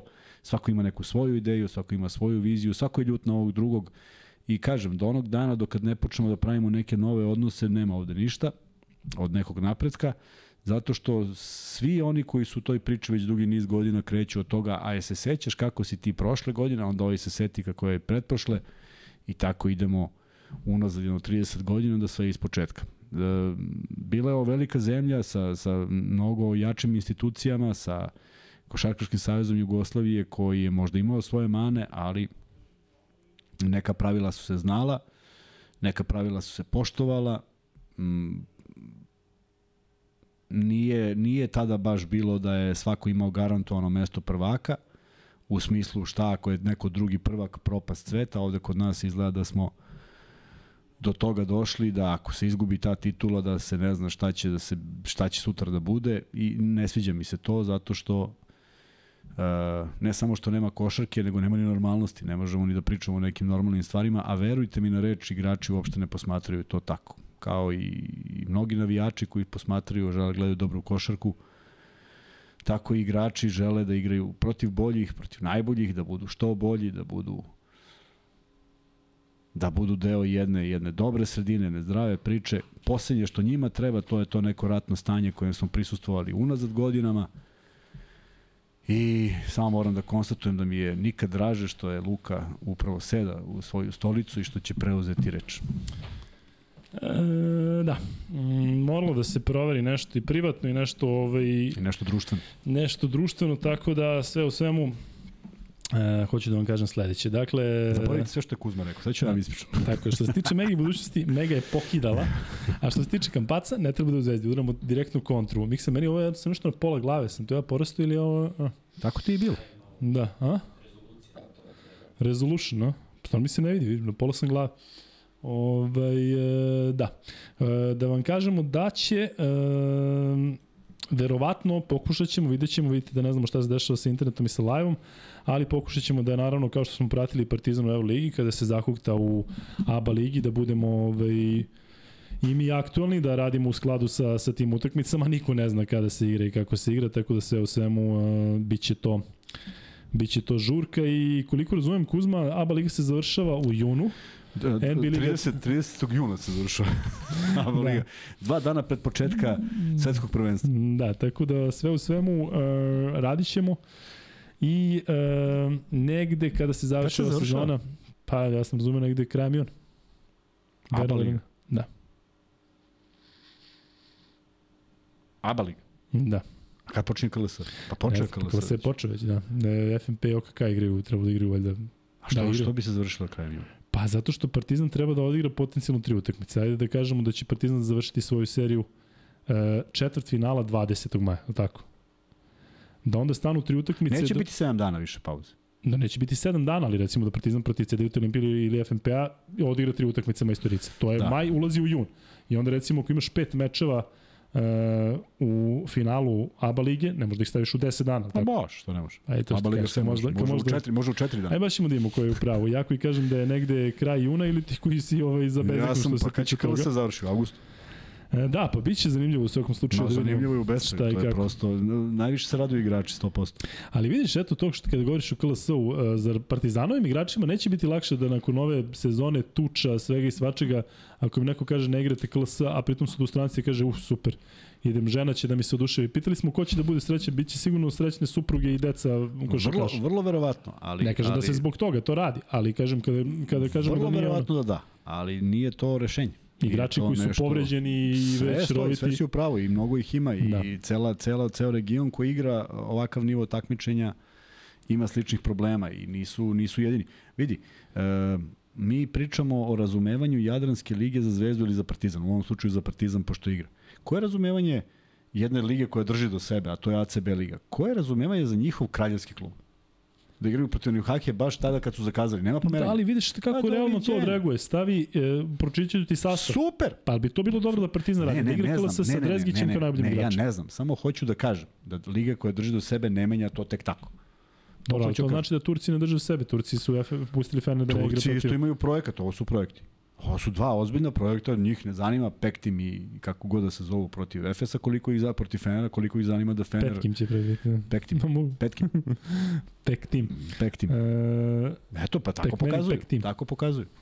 vidiš recimo, govorimo o Džiletu, govorimo o Makabiju. Makabiju taj meč nije apsolutno čovjek pušta Audit Kataš, pušta da mu igraju Zivi, Menko. Ali I- to je proizvod svega ovoga što se dešava i broja utakmica. O tome pričam. Tako je, nego ja govorim sada o nekom turisti. Ja sam recimo, kada sam bio u... Koji ne, kupio kartu. Ja sam recimo došao da gledam Barcelona protiv ne mogu se setim ko, Birča igra. Uh, ja došao, gledam, posle pričao sa Birčom, sve je super. Zamisli neko ko je kupio meč, za, došao, našao se u tom trenutku i hoće da gleda kraljevski klub košaku i to protiv Unikahe. Za, namestimo se super. I ne izađe ti Rudi, ne izađe ti Tavares, ne izađe ti Hezonja, ne izađe ti pola ekipe. Jel onda ima smisla? Da li onda, znaš, kao španska liga je sada odradila svoje, oni se drže svog sistema, ne dozvoljavaju ništa i onda dođe, kažem ti, utakmica koja... Pa koja znam, znaš, možda šta ako će na sledećoj utakmici bude još četiri povređene i stvarno nikad ne dođe utakmica da oni igraju. Otkud znam? Zašto pitam? Zato što u NBA ligi kažnjavaju kada, kada ovo. Misliš da je to sada, da ti sad izvedeš bilo koji tim, zato što ti je to taj način da sad čuvaš protiv Partizana. Kako u NBA ligi kažnjavaju kad imaju onaj, kako zove, load, load nešto. Salary cap. Nije salary cap, nego ono da se, ne, da se najveće zvezde ne umaraju. Imaju Jeste, to. ali je bilo kažnjavanja, sada se dala se sve. Kada neko kalkuliše, cinculira, radi šta god, i Liga to prati, ako nisi u... Viš ko je to besmisla? Oni mogu cinciliraju svi zajedno u kompletnom sastavu, ali ako se ne pojavi zvezda, to nema veze. Ali nije ni važno. Pazi, od, od do, neka svako radi kako god Pokušavam da želi. nađem neku logiku nečemu nema, gde je nema, teško. nema logike zato što sve može. Očigledno nema konsekvenci, nema ničega. Evo, li ima konsekvenca neka za Jadransku ligu? Evo, sad, sad vratimo film i kažemo otkazano je toliko utakmica, pomereno toliko utakmica. Zašto Borčeva protiv Cibone nije? Niko nema nikakav odgovor. A da ima smisla. Da, vraćamo se malo, malo pa se Pa vraćamo. vratiš se na to, zato što govorimo o ligi koja, koja nažalost nema taj kredibilitet. Može se pomeri, može se ne pomeri. Kad počinje, nemaš pojma. Godinama, ja 10 godina od kad radim na sport klubu pričam kakav će besmisao se desi kad jedan od klubova za koje navijamo bude otišao na Final Four. Šta ćeš da mu zakažeš stvarno utakmicu? Ako već ne moraš, ako se već tako, onda nemoj da je zakazuješ. A kad se završava ta liga? A pa i sad neka KLS treba napravi raspored. Na osnovu čega pravi raspored? Tako da sad, pazi, Da. pa paradoks. Sad igraju utakmice koje redko ko prati. Evo, ja nemam informacije iz KLS-a, a dešava se svašta nešto. Da. Ne valja to sve, znaš. E, Ajmo da izlačimo, jer imamo tu bre. Nemamo, pa kažem ti ovo sad s ovim pucnim live je sve okrenulo na Ne, pačke. da možemo prvog da se dobitnika, a? Izvlači. Ajde. Izvoli. Miksa, zoomiraj ovde. Zoom, zoom, a? Zoom, zoom. Zoom, zoom, vidi ja mešam, mešam i koliko mešam. Evo ga, pap, parapap. I otvaram ovde, kamera iza mene. Dobitnik je... vidim da li sam ga našao. E se vidi? Vidi se. Popović Nikola 7 rocketmail.com Johnny Pope, kako god da ti je nadimak, ideš sa porodicom e, na Zlatibor i ti si prvi dobitnik e, danas. Ajde ispucamo i odmah prvi free bet, Ajde. zato što jednostavno e, idemo danas nećemo da, da imamo neke ograničenja, jednostavno vidite da, da ovaj, sve nešto puca, pa da, da i mi ne pravimo onda kao da je sve normalno. Ali hajde da kažemo da će prvi free bet biti danas iz NBA, da malo eto promešamo. Hoću da mi kažete koji je poslednji MVP koji je MVP lige, regularnog dela sezone, koji je osvojio titulu. Dakle, eto, ko mi to kaže, dobije prvi free bet, max beta od uh, 1000 dinara. E, tako da, eto, bar taj free bet i dalje ovaj, postoji regularno. I tako, Kuzma. Popović Nikola 7 rocketmail.com još jedno. Mm, da. E, Slušaj, ovo, hla, klasična prevara u izvlačenju papirića, hladni i topli, zna se unapred ko se, ali šali se giga. Da, da. Ovaj, Hladni, da. topli, vreli. KG Soul BLJ jeste Karije poslednji e, MVP, zašto to kažem, pričat ćemo kasnije o NBA ligi gde zaista nije izgleda dobro kada se proglase MVP-em, onda sezona ide u propast. E, ima svašta da pričamo o NBA ligi, bit će i polova što se toga tiče, zato što kažem ovih dana baš je onako interesantno, ali kuzmo mi da se vratimo ovim našim dešavanjima, pre nego što pređemo na Euroligu i na meč pre svega između Reala i Partizana te peti, e, moramo da pohvalimo Borac. Dakle, Borac je ekipa koja je zadržala aba ligaški status. E, protiv Heliosa su izgubili meč u Domzalama ili Domžalama, kako Dom god. žalam. E, čuo sam da ljudi koji se razumeju kažu Domzale. Neka, neka Ali verovatno, tako da verovatno oni koji nemaju ž u, u, na, u, u telefonu. E, dakle, e, hoćemo da kažemo da je Borac zaista odradio jako dobar posao i kada govorimo o tome da nije bilo posete u Zadru, u Čačku se tražila karta više za taj meč, iako je, kažem, za opstanak u ABA ligi, ipak to mnogo znači. Ja uvek e, maštam da Borac igra neko ozbiljnije evropsko takmičenje. Da li je to moguće finansijski, da li ta hala ispunjava e, uslove, da li je to sve kako onako ja zamišljam, ne znam ali nemoguće da, da to nije izvodljivo u smislu da je blizu Beogradski aerodrom, dakle jednostavno neko mi je rekao kao pa ne može, ne znam nešto kako ovaj da puca. Sad je blizu, da. Da, poprilično tako blizu. je. Tako da, eto, to je ovaj, um, neko moje mišljenje. Ali za Hoću početak da, da igraju neku ozbiljniju ulogu u KLS-u. Nije ništa nagoveštavalo da će ovo biti sezona gde oni treba da igraju baraž. znam? Pa jest. Ne u KLS-u, šta sam u ABA ligi. Da. Na to sam mislio, da igraju u ABA ligi jer mislim da i, i imaju, imaju uh, uh, neki kvalitet koji je preduslov. Dakle, imaju sigurno pristojne financije, imaju navijače, imaju uh, tradiciju, imaju sve nešto što što bi trebalo bude preduslov da da sledeće godine ih vidimo negde u vrhu tabele, da budu ti, oni ti koji igraju ko, koji igraju play-off, a ne da već drugu godinu za redom igraju ovaj e, baraž, pritom kažem ove ekipe koje su iznad njih, zaista ne mogu da konstatujem da su da je velika razlika između tih ekipa pa je neko odskočio. Tako da da imamo ne, nešto nešto nedostaje, ali ajde neka neka nađu šta je to što nedostaje pa promene za sledeću godinu. E, da, jel um, misliš da to može da se promeni u smislu da se stekne više novca, odnosno da se dobije više novca pa da se dovede još više stranih pojačanja ili bi ti napravio neki balans sa tim domaćim igračima zato što znamo da je Čačak Ja bih napravio balans sa domaćim igračima. Malo čas pričamo o eto Tom Stepanoviću koji je sada u ABA ligi sazreo. Tako nekoga, nekog momka naći koji je dovoljno kvalitetan za takav nivo košarke. Izaći mu u susret sa minutažom. Uh, ajde vratimo samo film malo unazad. Uh, ti znaš gde je posle NBA igrao, igrao Musa? u Rio Bregan. Dobro. Pa nije baš destinacija gde sad padneš mrtav kad ti neko kaže da odeš da igraš. Znači ima neki razlog zašto. I onda je on tamo odigrao i zvao ga Real. Tako da, to može da bude ideja vodilja nekih igrača, to može da bude ideja vodila nekog kluba gde nađu nekog potencijalnog kvalitetnog igrača koji u dobrim godinama, koji ima taj potencijal, kojem treba dati slobode. E, to je ono što je najteže. To je ono što je najteže istrajati u svemu tome, zato što su svi pod lupom i kad se dovede neko, onda svi znaju da, da taj, u njega svi gledaju, Uh, ako napravi grešku, ko dovede ovoga i sve pada u vodu, treće kolo, rastaju se svi, niko više ne priča ni sa kim, ne može tako. Mora da se napravi neka strategija dugoročnija. Mislim da su imali talentovane igrače, mislim da postoji talentovani igrači koji bi mogli da igraju na tom nivou. Opet je sve stvar do toga da trener bude tu, da bude zacementiran, bez obzira na rezultate, pošto je Marinović morao da ode. Evo ga sada tu Dejan Mijatović, ajde da vidimo, neka on bude taj koji će sledeće godine od početka voditi bar on je prošao sve i svašta kroz e, reprezentaciju, zna veliki broj igrača i mlađih i manje kvalitetnih i kvalitetnih i sve poznaje, tako da možda može na neko svoje ime da dovede igrača i da to bude konkurentni tim. E, da. E, Kuzma, li imaš nešto o domaćoj košti pre nego što pređemo na, na e, Euroligu? Dakle, ono što sam i rekao je potvrđeno. E, dakle, nije bilo minuta ćutanja za žrtve, nije ni pomenuto, već samo za Šolmana. Da, za Šolmana, jeste. E, tako da to nije dobro. Ovo kada Kuzma kaže zašto ABA Liga nešto ne uradi, počilan da oni imaju neka svoja, m, vode se nekim stvarima koje su prilično čudne i to je jednostavno tako. Tako da nije, ne očekujemo više njih njih, tako da zaista sam razočan iskreno, zato što su ovo ipak neke stvari što Kuzma kaže, svuda su nas povezale, uh, ujedinilo nas je sve ovo što se desilo u regionu i šire, ali da ABA Liga nema minut ćutanja u meču koji igra Zvezda posle ovakve tragedije celog regiona, cele Evrope, ne znam šta da kažem. E, dobro. Kaži nešto, Kuzma, priča nešto. A, pa, nemam šta mnogo dodam više za, za, za domaću košarku, stvari za regionalnu košarku, još jedna sezona se bliži kraju, ajde da gledamo, ako ništa drugo, gledamo neke dobre utakmice, ako je to moguće.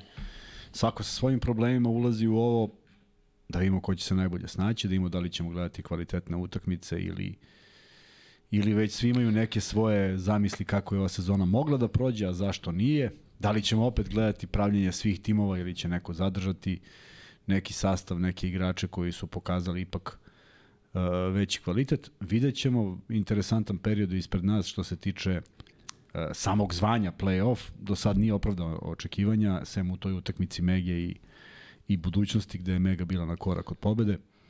Ovo ostalo nisam, i FNP, pardon, i FNP koji je 1-1, tako Ali da... nema nikakvih iznenađenja. Očekivali smo da možda budu tri utakmice Cedit Olimpija ovo, očekivali smo da budućnost izdominira protiv Megi, nadali smo se Da, na nema, motoru. nema, da. Dakle, može nekako ide. tako je. FNP samo može da napravi tu nešto i tako smo i rekli. Kuzma, da se razumemo, e, a ABA Liga apsolutno nije zanimljiv.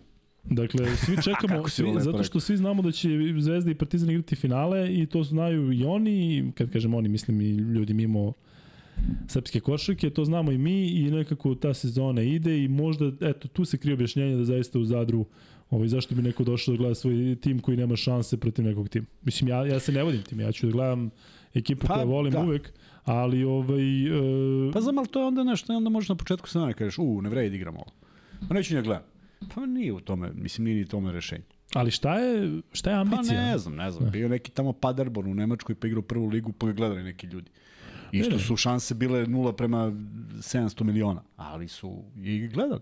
Znaš šta, mislim da je malo drugačije kad imaš region gde postoje nekoliko različitih država i u Nemačkoj gde jednostavno treća liga je apsolutno sve. Ja mislim da u KLS-u nikad neće sloga ako dolazi Zvezda da kaže ba šta nas briga. Sve stoji. Ali ovako e, ipak- Zato kažem, okrećem se tome. Svi pričaju ovo je bolje, bolje, bolje, bolje. Da imamo zašto. Evo, je posećenost, jel financije, jel nešto treće. Zamisli koliko bi ljudi gledalo sada neki, neki Leskovac protiv Zvezde. Sa svim tim šansama da ih nemaju, jel tako? Da. Pi ovako bi bilo. I navijali bi ko da nema sutra i kao da je Leskovac favorit. Da.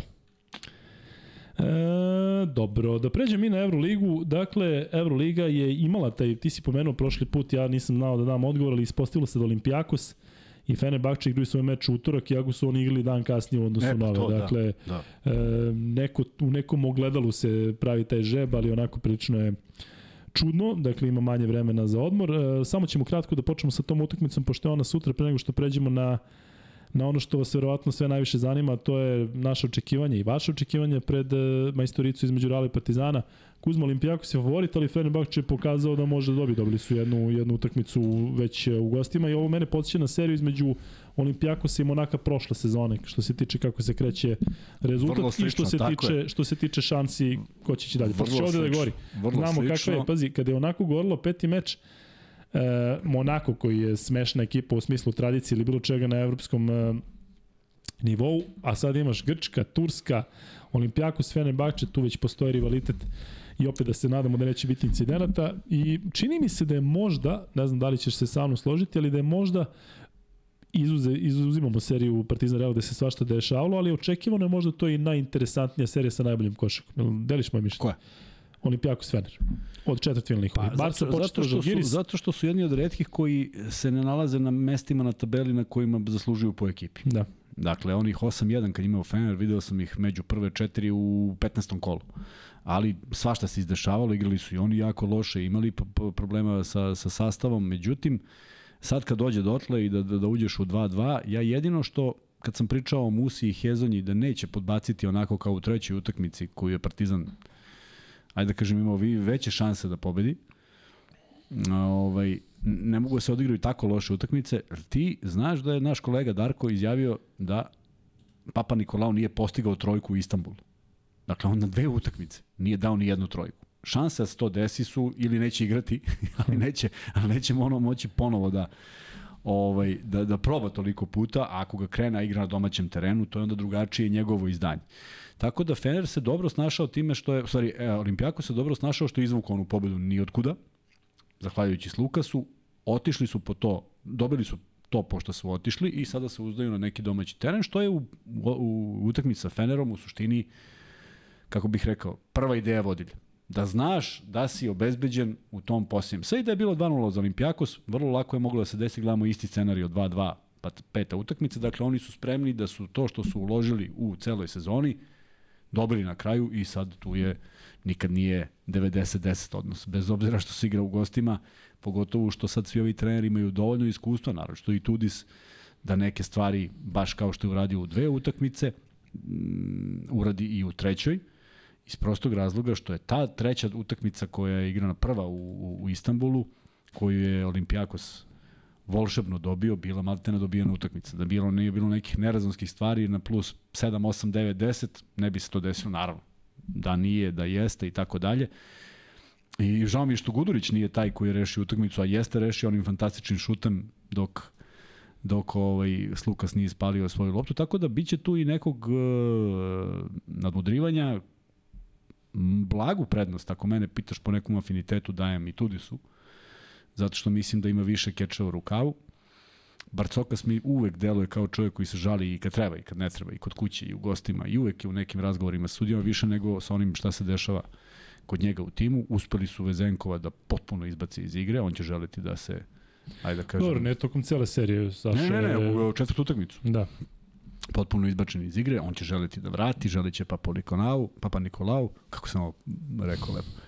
A to može uvek da bude mač od dve oštrice i da to budu kanali onako ozbiljni i da više vode svoj klub u, u minus fazu. Tako da, svako nas očekuje interesantna utakmica. Meni je drago što je odvojena, što su te dve utakmice odvojene, pa možemo na tenano da ih gledamo. Mislim da nas očekuje spektakl i ima sad jedno, ajde da kažem, malo onako, uh, baš onako navijanje najbanalnije. Znaš da što navijam za Makabi? E, zbog Rafija Menka. Ne. Nego? Pa zašto očekujem u. Kaunasu Aha. 5000 navijača, a ne 400 Pa, ljudi znaš šta je e, totalno suludo što svi Monte Carlošani da dođu. e, mogu da ovako plate, a ovde ljudi će odvojiti zaista Tako od, od, od je usta da bi došli. zanima, mislim, tako. kada kažem Makabi, mislim i na ekipe poput Partizana, Zvezde, da, da, da, bilo da, ko imaš timove koji će tako da, ako treba tri meseca da pegla svaki dan, Tako.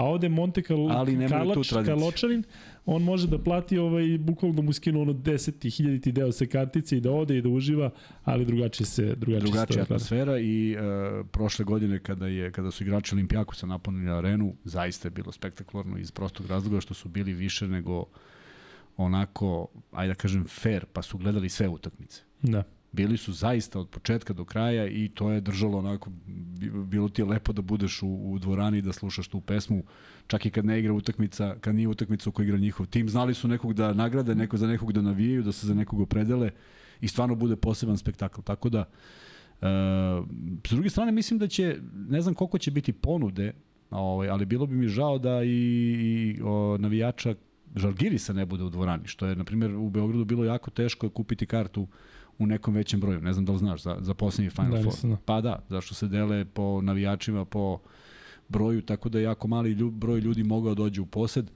a nekako mi to onda ostane onako, malo, malo mi nije fair prema organizatoru, bar tog grada, makar dobije neku, neki kontingent ulaznica, jer sigurno da je to grad u kojem se košarka voli i kojem bi sigurno navijači Žalgirisa došli za bodre za nekoga.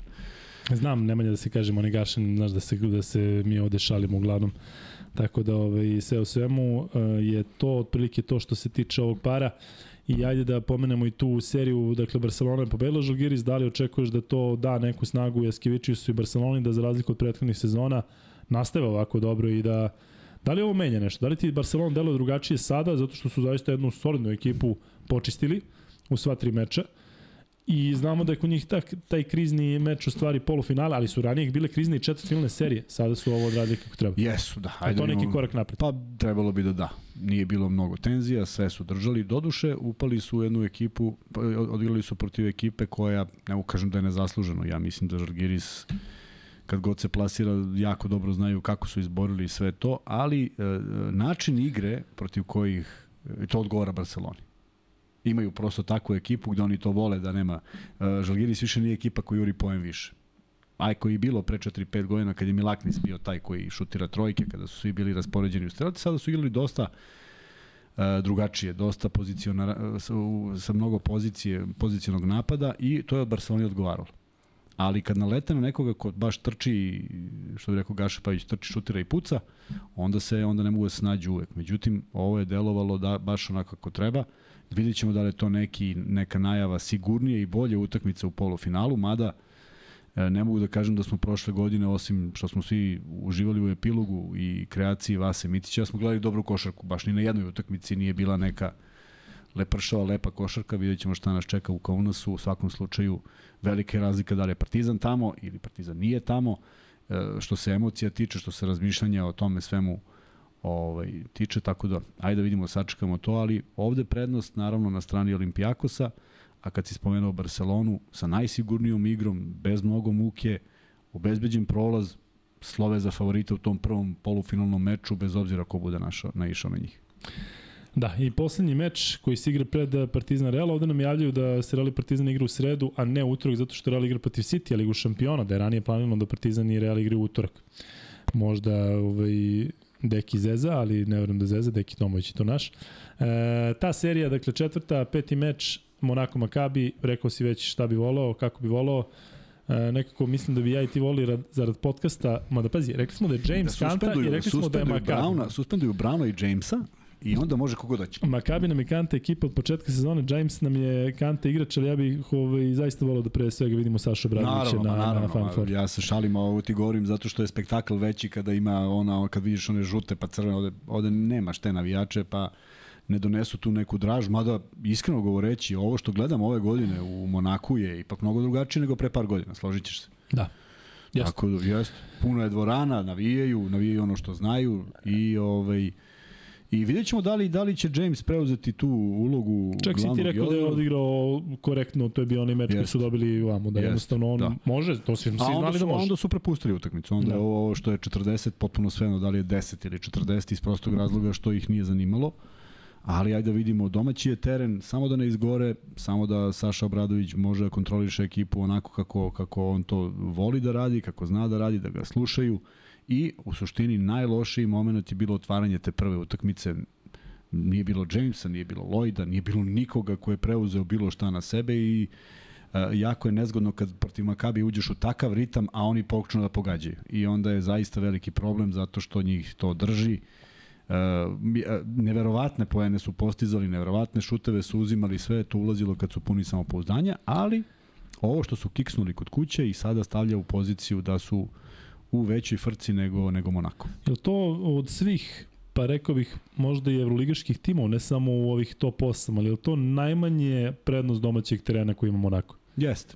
A tako, to zaista Jeste, ali o tome, tome sad govorimo koliko je bitno Osim ako ne dođe Durant, a teško će da će teško doći ove sezone. Ali vidi da. šta je, mi smo, mi smo zaista na break, na break Makabija davali male šanse Monaku da se izvuče u Izraelu kada se priča o, o, o atmosferi. Međutim, nije atmosfera sve, moraš da odigraš Oni su želi da pobede tu utakmicu što pre, da, da bude što pre tri, ne ono kao u 40 minuta, nego ako može i ranije i naravno da, da ne ide sve kako si planirao baš uvek, ali uh, produžili su neke igrače, produžili su im ugovore, oni sad osjećaju kao domaći, drugačije gledaju na sve to, znaju da igraju za sebe.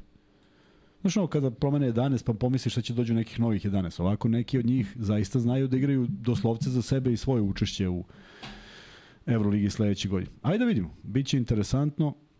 Saša Obradović svakako više iskustva od uh, Kataša, što se tog trenerskog posla tiče, ali Kataš nekako mi deluje da kada ovi se razigraju, nema mnogo uticaja na to šta se dešava na terenu, koliko to lepo izgleda. Kada igraju loše, to može da bude zaista mnogo loše. Vi koji te često tako pričate šta Kuzma on kao nije igrao na nekom nivou. Kuzma ne da igrao na nivou, nego Kuzma ti si igrao protiv Kataša i razvalio vas, je li tako? Razvalio se. A Saša Obradović ti je bivši saigrač i eto, reci nam, ili imaš, možda po, napriš neku paralelu kada ga vidiš sada kao trenera iz tog perioda kada je bio igrač, je to ta faca, je to to taj neki, ajde da kažemo, ovaj... E, Kataša ne poznajem toliko, da. Ne, ali govorimo o a. Saša, a Saša mislim da je preneo sve ono što je on radio. Bio je jako uporan, bio je jako radan, njegov, njegov, njegovi trenizi su trajali koliko god hoćeš, on je jedan od redkih koji nakači prsluk na, na sebe, pa trči one stepenice u peniru koji su možda bile strmije pre renovi- renoviranja, tako mi deluje. Baš kao da ideš vertikalno. Jedino je on to radio. Jedino je on to radio, jedino je ostajao šutirao i onda je to ovaj, kroz to posmatrao i, i, i košarku kao trener. Ali mislim da mu se rad promenio od one Nemačke gde on bio baš taj nemački vojnik. Sad shvatiš da neke stvari ipak ne možeš da sprovedeš, promenilo se mnogo toga. E, ali sad, dobro se adaptira. Dobro se... samo, samo da- da... on još ne gori više. Jer ja, ja sam ubeđen da on gori. Jeste. Ali mislim da je čak i on morao sebe da dovede, Morao da malo onako oblikuje i da je odlično odradio posao. Sigurno, Zato što ali- verovatno da je nekog tamo zvekno, kao što znamo koga je mogu da zvekne, Mogu da Jamesa pre zekeće svega. hoćeš, da. Ali eto, ispalo je da je odlično, da su to možda rešili E, sa tom vidjet ćemo da li suspenzijom. Da, on, rekao, on je Sad rekao je- da je to bio svaki dan pakao sa Jamesom Pa da. kada je bila ta Pa da. suspenzija. Ali sad je, sad je taj moment. Da li je bilo dobro ili nije, to se vidi u ovoj petoj utakmici. Ali ne možeš da kažeš da je njihova sezona bila loša čak i da izgube te pet. Ne možeš, ali, ali, prošle ali, godine ne, ne, ne. su onako... Ne mislim uopšte da to ima ikakve veze, Aha. ali će to da ispliva. Da. E, da smo Da, ga da, tada, da, Uh, dobro je što nismo, dakle to je epilog. Svako će naći neki svoj argument, a ja bi u stvari samo najviše više voleo da se Sale stvarno ne nervira. On, on, on, je, on se oblikovao, on je prihvatio, on to razume, on overi, a u suštini erupcija je u njemu i ovaj, nije, nije lako da to Te pregura. podsjeća tako sale na neku, bi volio još neku iz tvog života da se manje ne nervira? Ja. Ima li još ljudi, Ja. da? Pa normalno, ti, samo pa ti ja, si, i- ja i Sale, si samo, samo sa ja i Sale uvek nervozan i moram da te smirujem stalno. Jeste, to što kažeš. E, Deki Tiganj kaže, odnosno pita da li ćemo napraviti osvrt na NBA playoff, naravno da hoćemo miksa ovaj, i, i ja ćemo, možda i Kuzma ako je gledao, e, pričat ćemo o svim ovim mečevima. E, e, da li radimo u sredu? Luča kapitan pita. Naravno radimo u sredu posle meča, u nadi da nam tada kada će zaista vjerojatno biti puno ljudi da nam neće pucati stream. Izvinjamo se još jednom svima. Vidim da ja ovde dobijem neke poruke. Izvinjamo se zaista šta da radimo. Jednostavno to je tako, znam. E, znam, eto meni ne bi prijelo, ja kada pustim šta god na YouTube-u, ja jednostavno volim da pustim i da možda uz to zadremam. I kada onda nešto pukne, sve razumem, izvinjamo se i svima koji, koji ovaj, su uz nas dugo. E, šta da radimo? Nadamo se da će biti, da će biti okej. Okay. U svakom slučaju to što ja malo izađem pa ovo odgovaram vama na poruke, odgovaram e, kome treba na poruke i pokušavam da rešim tako da bez brige e, trebalo bi ovaj, da bude okej. Okay. Eto, ne znam šta drugo da kažem. E, pitaju te Kuzma da li ćeš kada odeš u Podgoricu, kad ćeš u Podgoricu i da li ćeš da ideš na lozu, da te vode na lozu u restoran Radovče. Ili ima Radovče? Ne znam da je Radovče. Radovce. Ne, Če da. Radovče. Restoran Radovče. Oću, ali ne znam Možda da je. neko desno. E, dobro. I dolazimo do tog meča posle sat i po vremena priče o svemu i svačemu. E, dolazimo do meča između Partizana i Reala. Istina. E, sad vi koji ste spavali, vi ste se probudili. Tako da e, Partizan i Real igraju peti meč. E, potpuno drugačiji od svakog drugog meča. Dakle, imali smo prvu utakmicu da se podsjetimo ako neko nije gledao, Partizan je dobio košem Kevina Pantera. Druga utakmica Partizan razvalio Real 15 razlike, desi se tuča prekinut meč. Treća utakmica u, u čudnim uslovima gde ovamo ne igra Panter, ne igra Lesor, ovamo ne igra Dek, ne igra Jebusele. E, Real dobije na jednu loptu. Četvrta utakmica u onoj atmosferi e, tuge u areni zbog svih dešavanja e, u Beogradu i u osnovnoj školi Vladislav Ribnikar. E, Dek se povredi, Real opet dobije na, na, tada nije bilo na jednu loptu što se tiče rezultata na kraju, ali opet bilo toliko neizvesno. I evo sada ta peta utakmica Kuzma, ono što sam pričao ranije, da li ti delo da zaista Partizan sada više ne bi mogao da ima izgovor? Ja mislim da su ovi se izgovori bili apsolutno na mestu, u smislu ne igrati Panter koji je toliko bitan, u jednom meču te ne igrale Sor, Exum ti je bio uh, Rovit povređen, dakle nije bio na 100%, a sada deluje da kada se Panter vrati, uh, kada su svi tu, a uh, Real igra bez Jabusela koji kažnjen i bez Deka, što je možda karmički povreda, Partizan iz mog ugla, ako je dobio dve utakmice prošle nedelje praktično, pretprošle Jeste, nedelje, to, to, ali taj moment, reci nam kako Tako. to izgleda na tom nivou iz, iz ugla E, košarkaša. mnogo, mnogo, vidi, ja, ja eto, sećam se te 2-2, 3-2, sećam se ne one utakmice BFC Partizan koju smo poražili, nego se sećam momenta kada smo zaista onako dominirali u prve dve utakmice u Podgorici. Došli smo u Beograd sa idejom da... Partizanu isto. Tako je, protiv Partizana i došli smo u Beograd da pobedimo treću. Na desetak, 12 poena razlike, samo da je, da, da je otišlo možda još dva ili možda da je došlo do 12, iz neobjašnjivih razloga je bila neka trostruka ili četvorostruka izmena i sve je krenulo nizbrdo nezaustavljivo dobrih 55 minuta. Znači, to je bilo u petom minutu drugog polovremena i od tada više nismo mogli da se sastavimo. Znaš kolika je bila panika kad smo se vratili u Podgoricu na 2-2 na naš teren, na dve ubedljive pobede kod kuće, ali odjednom se promeni taj momentum. Odjednom ti sad, tad, sad ti strahuješ. Tako da je to najveći problem ako, ako to uđe u glave igrača Partizana, zašto su tu priliku izgubili kod kuće. Pazi, mi smo izgubili u gostima, pa ti nije sve jedno. A ovo si otišao, igraš sa domaćeg terena. Tako da tu postoji ta otežavajuća okolnost. U ostalom, evo vidi ovako. Nismo videli Lasora u svom elementu. Imao je neki pritisak baš zbog neigranja treće utakmice. Baš zbog to je te bojazni šta će biti. On je oduzeo minutažu Smajlegiću koji je bio odličan u trećoj utakmici, a kad imaš Lesora kakvog imaš tokom cele sezone, potpuno je logično da imaš I poverenja. lepo si rekao, vidi se prema, u, u slobodnim bacanjima se pre svega vidi da je on je. bio Da li će sad taj šut, da li će sad, sad šut biti baš na briga? Ne može da bude baš na briga, jer ovo je treća meč lopta. Nije, ne, ovo, je, ovo je prva meč lopta Reala. A treća Partizana. I to je ta, ta težina. Je razmišljaju igrači o tome? Pa moraš. Taj Kevin Panter, hteo. on razmišlja. Kevin Panter isto će... Kako on razmišlja? Dakle, on, ovo, ovo nije situacija koju možemo da poistovetimo sa bilo čim, u smislu da je neki igrač odigrao dva meča sjajno, pa onda kažnjen zbog tuče. Dakle, ovo je jedinstven slučaj ikada. On se sada vraća. Da li ti on deluje kao igrač koji u sebi ima sada to da pokaže e, sad ćete da vidite, Ima. Ali ima sad i to razmišljanje koje mu sigurno prolazi kroz glavu što sam se okrenuo. On mora da razmišlja o tome. Jer, jer je sve proizvod toga. ne bi bilo dobro da razmišlja o tome. Pa, ali mora da, mora da razmišlja zato što je epilog taj. Da je bilo uh, 3-0 ili 3-1, ni- ne bi više ni razmišljao. Mislim, ne bi bilo. Sad je i to otežavajuća okolnost. Ja znam da mu svi govore da nema nikakve veze. I on zna da nema nikakve veze. I zna da je sve bila da su naseli.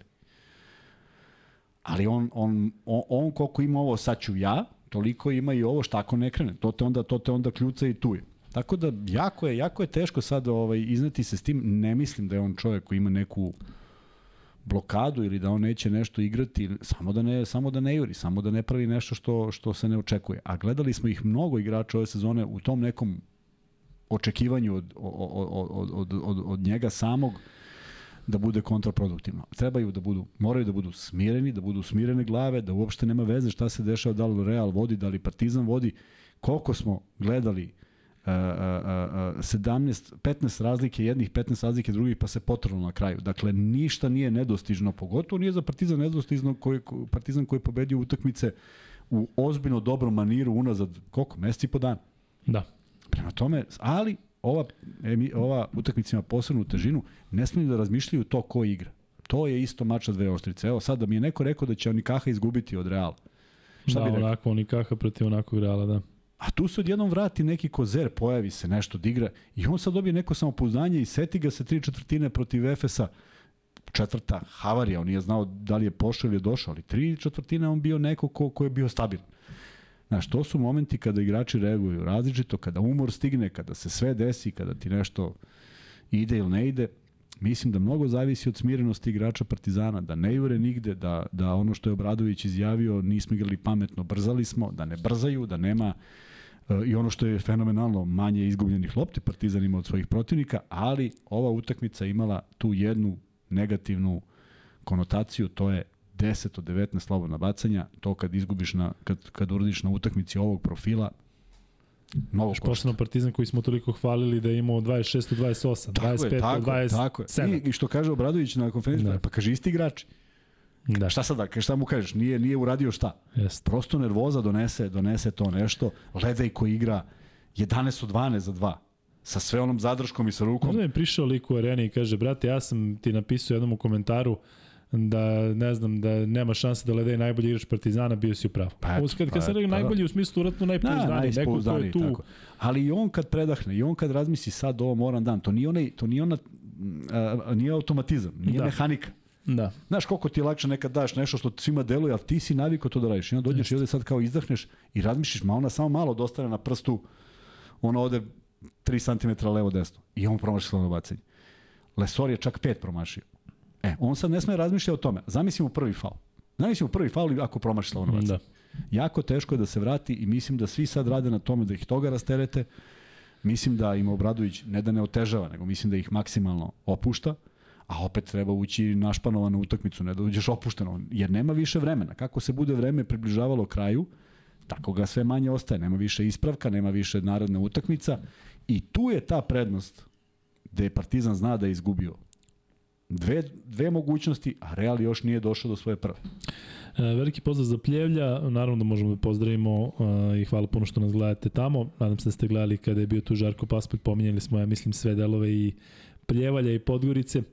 E, u svakom slučaju, ono što bih ja rekao je sledeće. Dakle, ja Kevina Pantera sam zaista zavolio još više ove sezone, zato što je to zaista zaslužio posebno u, u, u drugom delu sezone u Euroligi. Znate koliko je dao bitnih košava i tu ne mislim samo na Monako i na Real na tu prvu utakmicu, već mislim i na e, način kako se odnosio prema timu, e, koliko je bio odgovorniji i zaista sve pohvale za njega. Ali ja lično ne bih volao da sutra Kevin Panter bude čovjek odluke, zato što mislim da će on u glavi voditi neki mini rat i sa publikom i sa ovim e, protivnicima. Ja bih onako ležernije prihvatio da to bude egzum, zato što će on imati motiv. On je tu, znate kako prošao posle onog, onog starta, posle onog grvačkog zahvata Jebusela i volao bih da recimo to bude Ledej. Ne bih volao da Panter sada e, pokuša da izvede nešto više nego nego što treba. Zato što, koji su moji argumenti? Ja bih više volao recimo da Naneli koji ima 1 od 10 u prethodnoj utakmici, da on sada e, da neke bitne trojke. Evo čemu se radi. Radi se o tome da je Panter meni ostao ipak e, u glavi kao neko ko je uradio ono protiv Burse prošle godine i u odbrani u napadu, koji je protiv Crvene zvezde e, isto imao neke nerezonske, imao onaj nerezonski šut e, između svega, e, između ostalog. Znamo da je Kevin Panter u meču protiv Baskonije isto imao neke stvari i to su utakmice koje to je to, dakle posle toga nema nema popravka. Što se tiče Monaka, onda nije ono pogodio Partizan bi imao popravni posle uh, protiv Panathinaikosa. Što se tiče meča protiv Reala, da je Partizan izgubio 1-0, nije smak sveta, imaš priliku da se popraviš. Tako da ja uh, ne kažem da sam skeptičan, ali ne, m, kada pogledate ti mečevi i šutevi koji su biti ili ne biti, biti ili ne biti, dakle šut da nije ušao protiv Monaka, pitanje šta je bilo onih prostalih e, nekoliko minuta Partizan, ako se ne varam, o nekoliko trenutaka Partizan je otišao tada na četiri razlike, ako se ne varam. Meni je druga, recimo, i, i ulazimo u, u polemiku često, a ne mogu da kažem da nije u pravu zato što ipak e, barata činjenicama. On mi je rekao, mi ne znamo kakav je Michael Jordan u sedmoj utakmici finala. Zato što nikada nismo gledali Michaela Jordana u sedmoj utakmici finala. Verujem da bi on dao 50 poena, verujem da bi pokazao da je najbolji svih vremena, ali ne znamo. Mi, znate koliko volim Kobe Bryanta, koliko ovaj, smo i ovde pričali sve, ali Kobe Bryant u sedmoj utakmici finala je odigrao najgoru partiju u svojoj karijeri protiv Bostona. Pa ga izvukao Ronar test i dao je neke bitne penale, izvukao ga Gasol. Dakle, ja bih uvek volao pre da je LeBron James, da ne pričamo kakve on imao probleme u sedmim utakmicama, ne mora da bude finala, nego u utakmicama ili kada je bilo e, 3-2 za, za San Antonio. Tako da, hoću da kažem sledeće. Uz dužno poštovanje svega što Kevin Pante radi i što je uradio, ja bih više volao da je lopta u rukama Dante Exuma, da on igra ako je za pobedu, da on rešava prodrom ili da Zek Ledej rešava leđima sa onim njegovim jednim. Ja bih se tada bolje osetio. Jer njegovi šutevi, oni preko ruke, su super i hvala Bogu što su ušla ovih nekoliko, ali nije ti da sediš sada i da si lagan. Znam, ali zavisi ti od toga šta se desilo u toku utakmice. Dakle, neko ko je, ko je, ko je lede i daj mu da se zavrti oko noge na četvrtoj utakmici, on će svaki put da ubaci. Tako deluje. Pa mora da vodiš računa i o tome. Ali s druge strane, mislim da razumem poentu koju hoćeš da kažeš, međutim Panter je zaista rešavao neke utakmice. Najveći problem on mora da očekuje sada svaku vrstu provokacije. Neće njega neko da ide da bije, ali će ljudi biti oko njega konstantno. Svaki, svaka gestikulacija, svako Pite odbijenje, da. svaka odbijenje, svako nešto, svako unošenje, samo će minus na njega. Koliko je teško da imaš fokus ne ako si Kevin Pante, nego kada znaš da si sada pod jako lupom i teško. Sudije i pod publike. Lupom, tako je, ne gledaju ljulja koji je zakuvao sve. Tako je. Ne ugledaju tebe, jer si ti ipak dobio dve utakmice, najviše, najveća kazna posle Abuselea koji je uradio nešto što nema, ne, neću da komentarišem.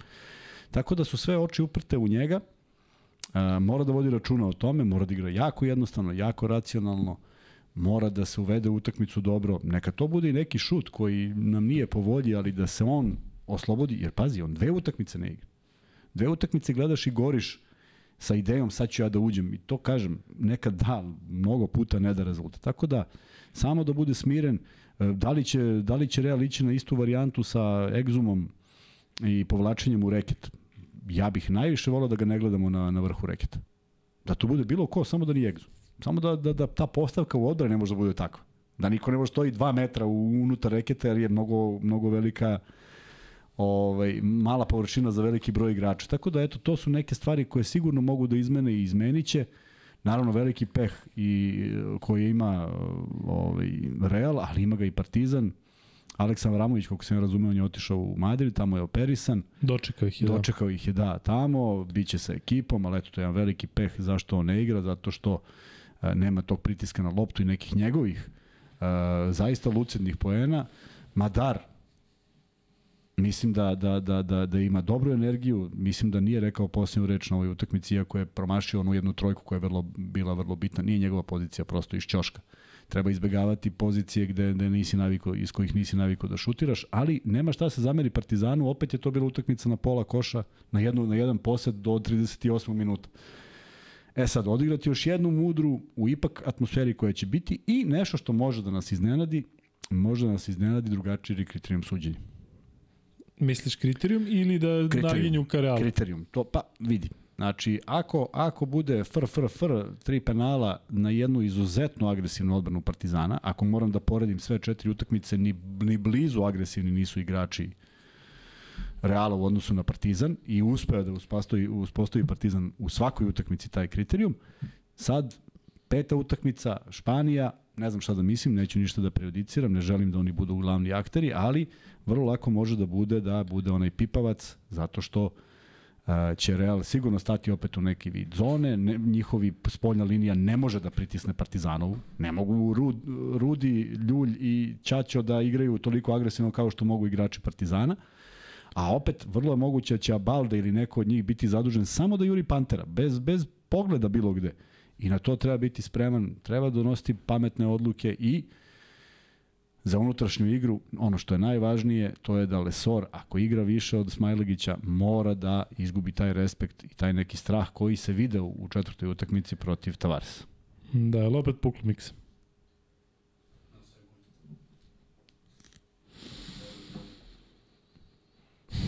Ode live, ode publika, ode sve. Puklo. Mm.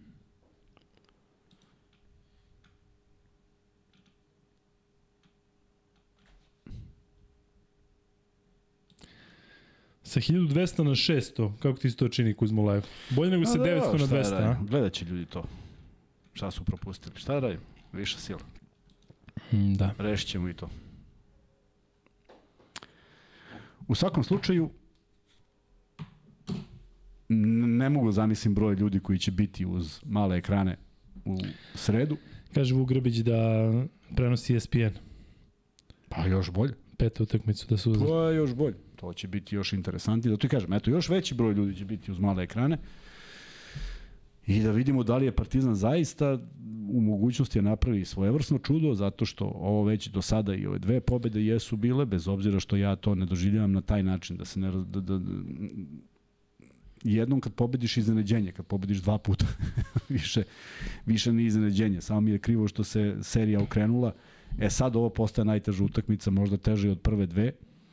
I vidjet ćemo koliko će biti fokusirani. Kažem, verujem da će Obradović učiniti sve da ih spremi da ćemo opet možda videti neke minijature igrača koji su vrlo bitni bili za ovu utakmicu. Uh, od njih, ako, se, ako, ako i oni naprave dobar učinak, samim tim će ekipa izgledati bolje i ajde gledamo jednu utakmicu u kojoj će Partizan biti do kraja, ako ništa drugo, makar konkurentan, a ako može da ostvari a, i prednosti da je drži do kraja, to bi bilo zaista veliki podvig. E, old school kaže mora ovo da se reši pod hitno ne znam šta da vam kažem, izvinjamo se sponzorima, izvinjamo se onima koji gledaju te uh, parametre, a ti parametri su naši sada slabiji nego nego što bi bili, sigurno. A žao mi je što ovaj što je to tako, ali Ima i vas koji kažete da vam nije pukao stream, meni je puklo ovde isto. Dakle, eto, jedan sam Da, mnogi kažu da je u redu, nekima kaže samo refresh i nastavi se, ajde šta da radimo? Mislim, da. rećemo te probleme, štuca i radi, kaže Inter, Interista Forever, Ivan Page kaže sa refresh i radi samo refresh i radi, Dejan Andrić kaže da kaže ovde meni da što i tako dalje. Šta da radimo? Mislim ajde ovaj n, zaista da ne da ne gubimo fokus.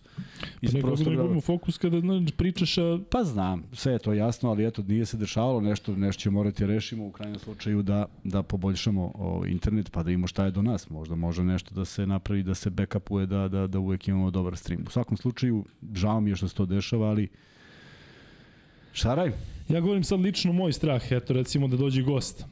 I šta onda? Dođe gost, ajde mi kad smo ovde pa se zezamo po ovo, ali eto, možda je bolje što Aleksa nije dolazio zato što smo imali ta pucnja streama u posljednjih koliko puta, eto čovjek da je došao i sada šta, čovjek priča i mi mu kažemo sad ovo što si rekao nije. Tako sad da, kreni iz početka. Da. Mora dođe spreman čovjek, nema što dođe bez veze. I opet ne radi live, evo sad kada vratiš live, on se vrati na 3,5 minuta ranije. Ne, znači imati celu emisiju na Imaćemo, dobro. E... Ne mora niko nas prebacuje dok smo uživo. Ajmo da vadimo drugu. Ajde. Hoćeš ja, pošto moraš odavde. Ne možemo mi old school u MTS, dakle nije, nije to do nas. Ja ću da sutra do MTS iz MTS, koliko Pobićemo. sam ja, ovo kažu da je sve u redu. Prebićemo i sve tamo. Ajde, ne mogu Ajde. da da otlaj ti bolje, imaš mekšu ruku.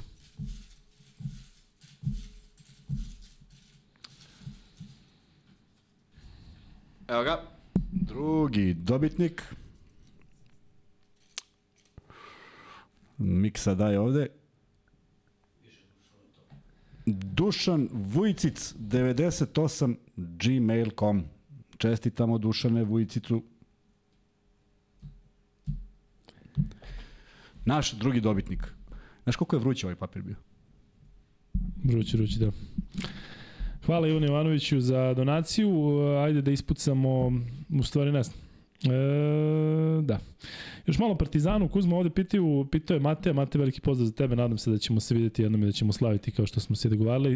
E, da li je e, Tavares ne znam Kuzma, reci nešto o Tavaresu. Da kažem nešto o Tavaresu. Da, je Tavares i dalje pretnja kao što jest, ovo i sve? Jeste, i činjenica da je igrao na način na koji je igrao i da je ceo Real igrao na način na koji je igrao. Ne vidim B plan, ne vidim tu, ako Hezonja, koji je velika misterija, ovaj, ne preuzme neke stvari u svoje ruke, Real će imati još jednog igrača manje. Ono što je dobro odradio i što je bilo loše po Partizan je odbrana nad uh, Ledeom. To je bilo iznuđeno, ali upalilo. Opet je Tavares donosio mnogo problema, nema ko da se nosi s njim. A, mislim da je bilo i korektno udvajanje i da je sve bilo dovoljno dobro kada igraš protiv jednog takvog igrača. Da li je u stanju ponovo da odigra na nivou i da odigra 36-7 minuta, ja ne znam. Ali s obzirom da je odmarao sada u subotu i da uopšte nije bio u sastavu i da mnogi od njih nisu bili, do, dovoljno su spremni za tu utakmicu.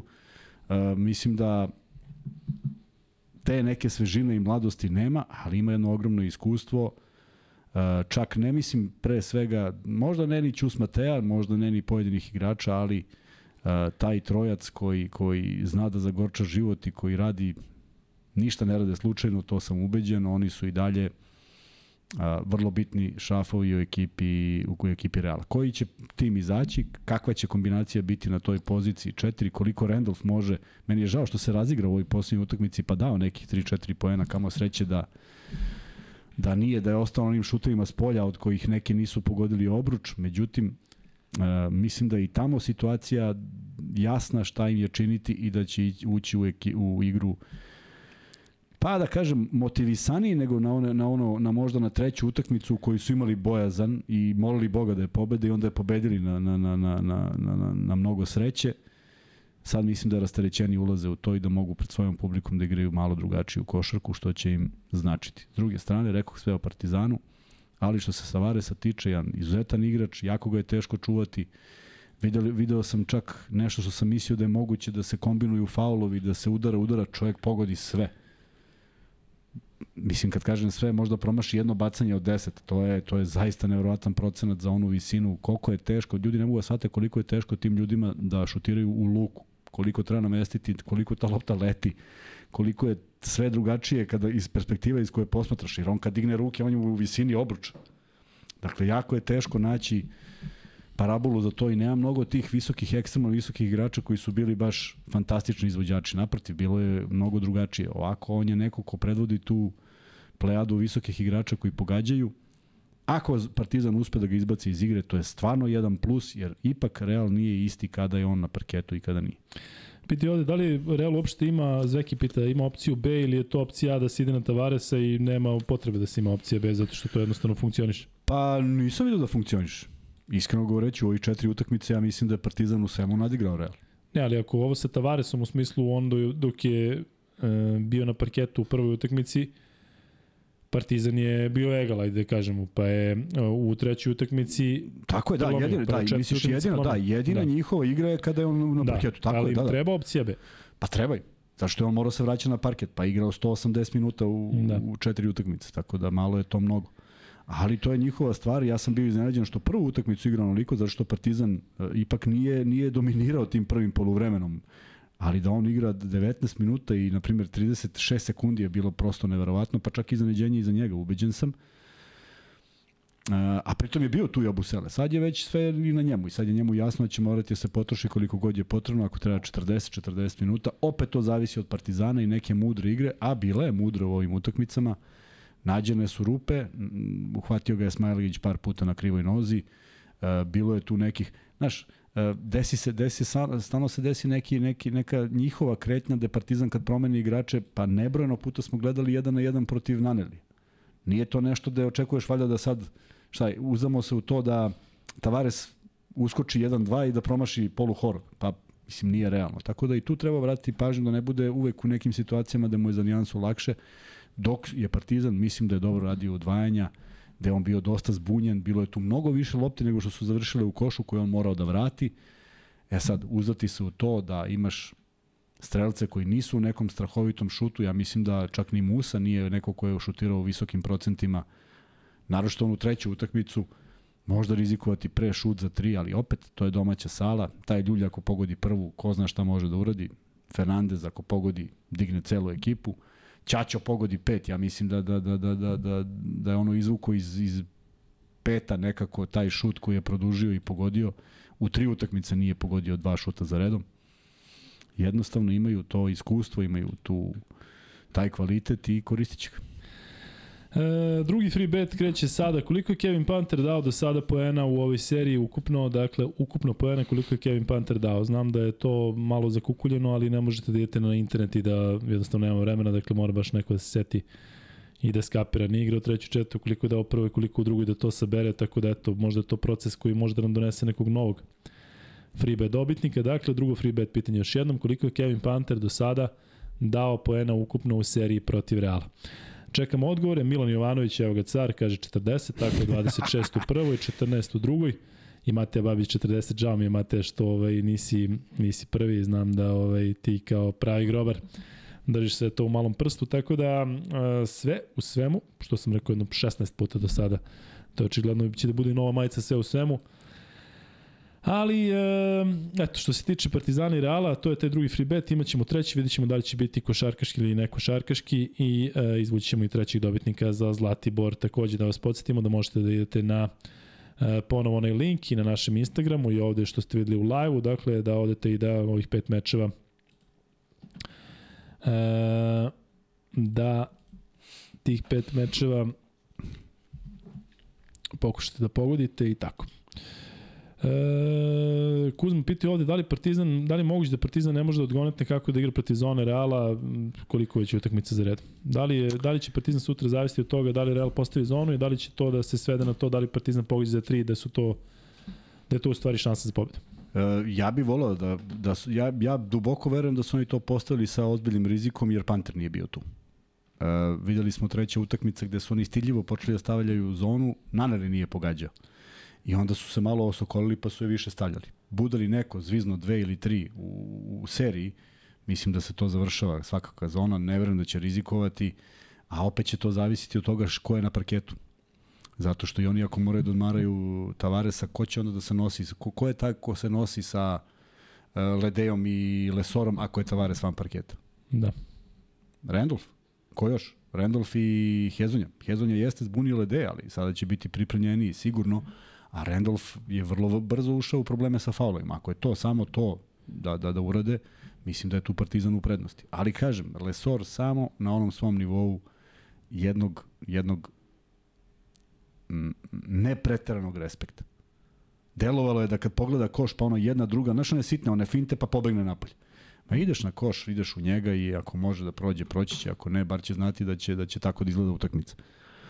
U krajnjem slučaju Ismajlegić je mogao možda da igra koji minut više, tako da ni on nije neko ko je umoran, a uspeo je malo da, da ovaj, pročita malo kretnje Tavaresa, da oseti kad je sam jeste šutno onu jednu bombu u četvrtoj utakmici, ali to je sve loše što je uradio. Uglavnom su to bili dobri potezi i prilično smisleni. Um, dobro.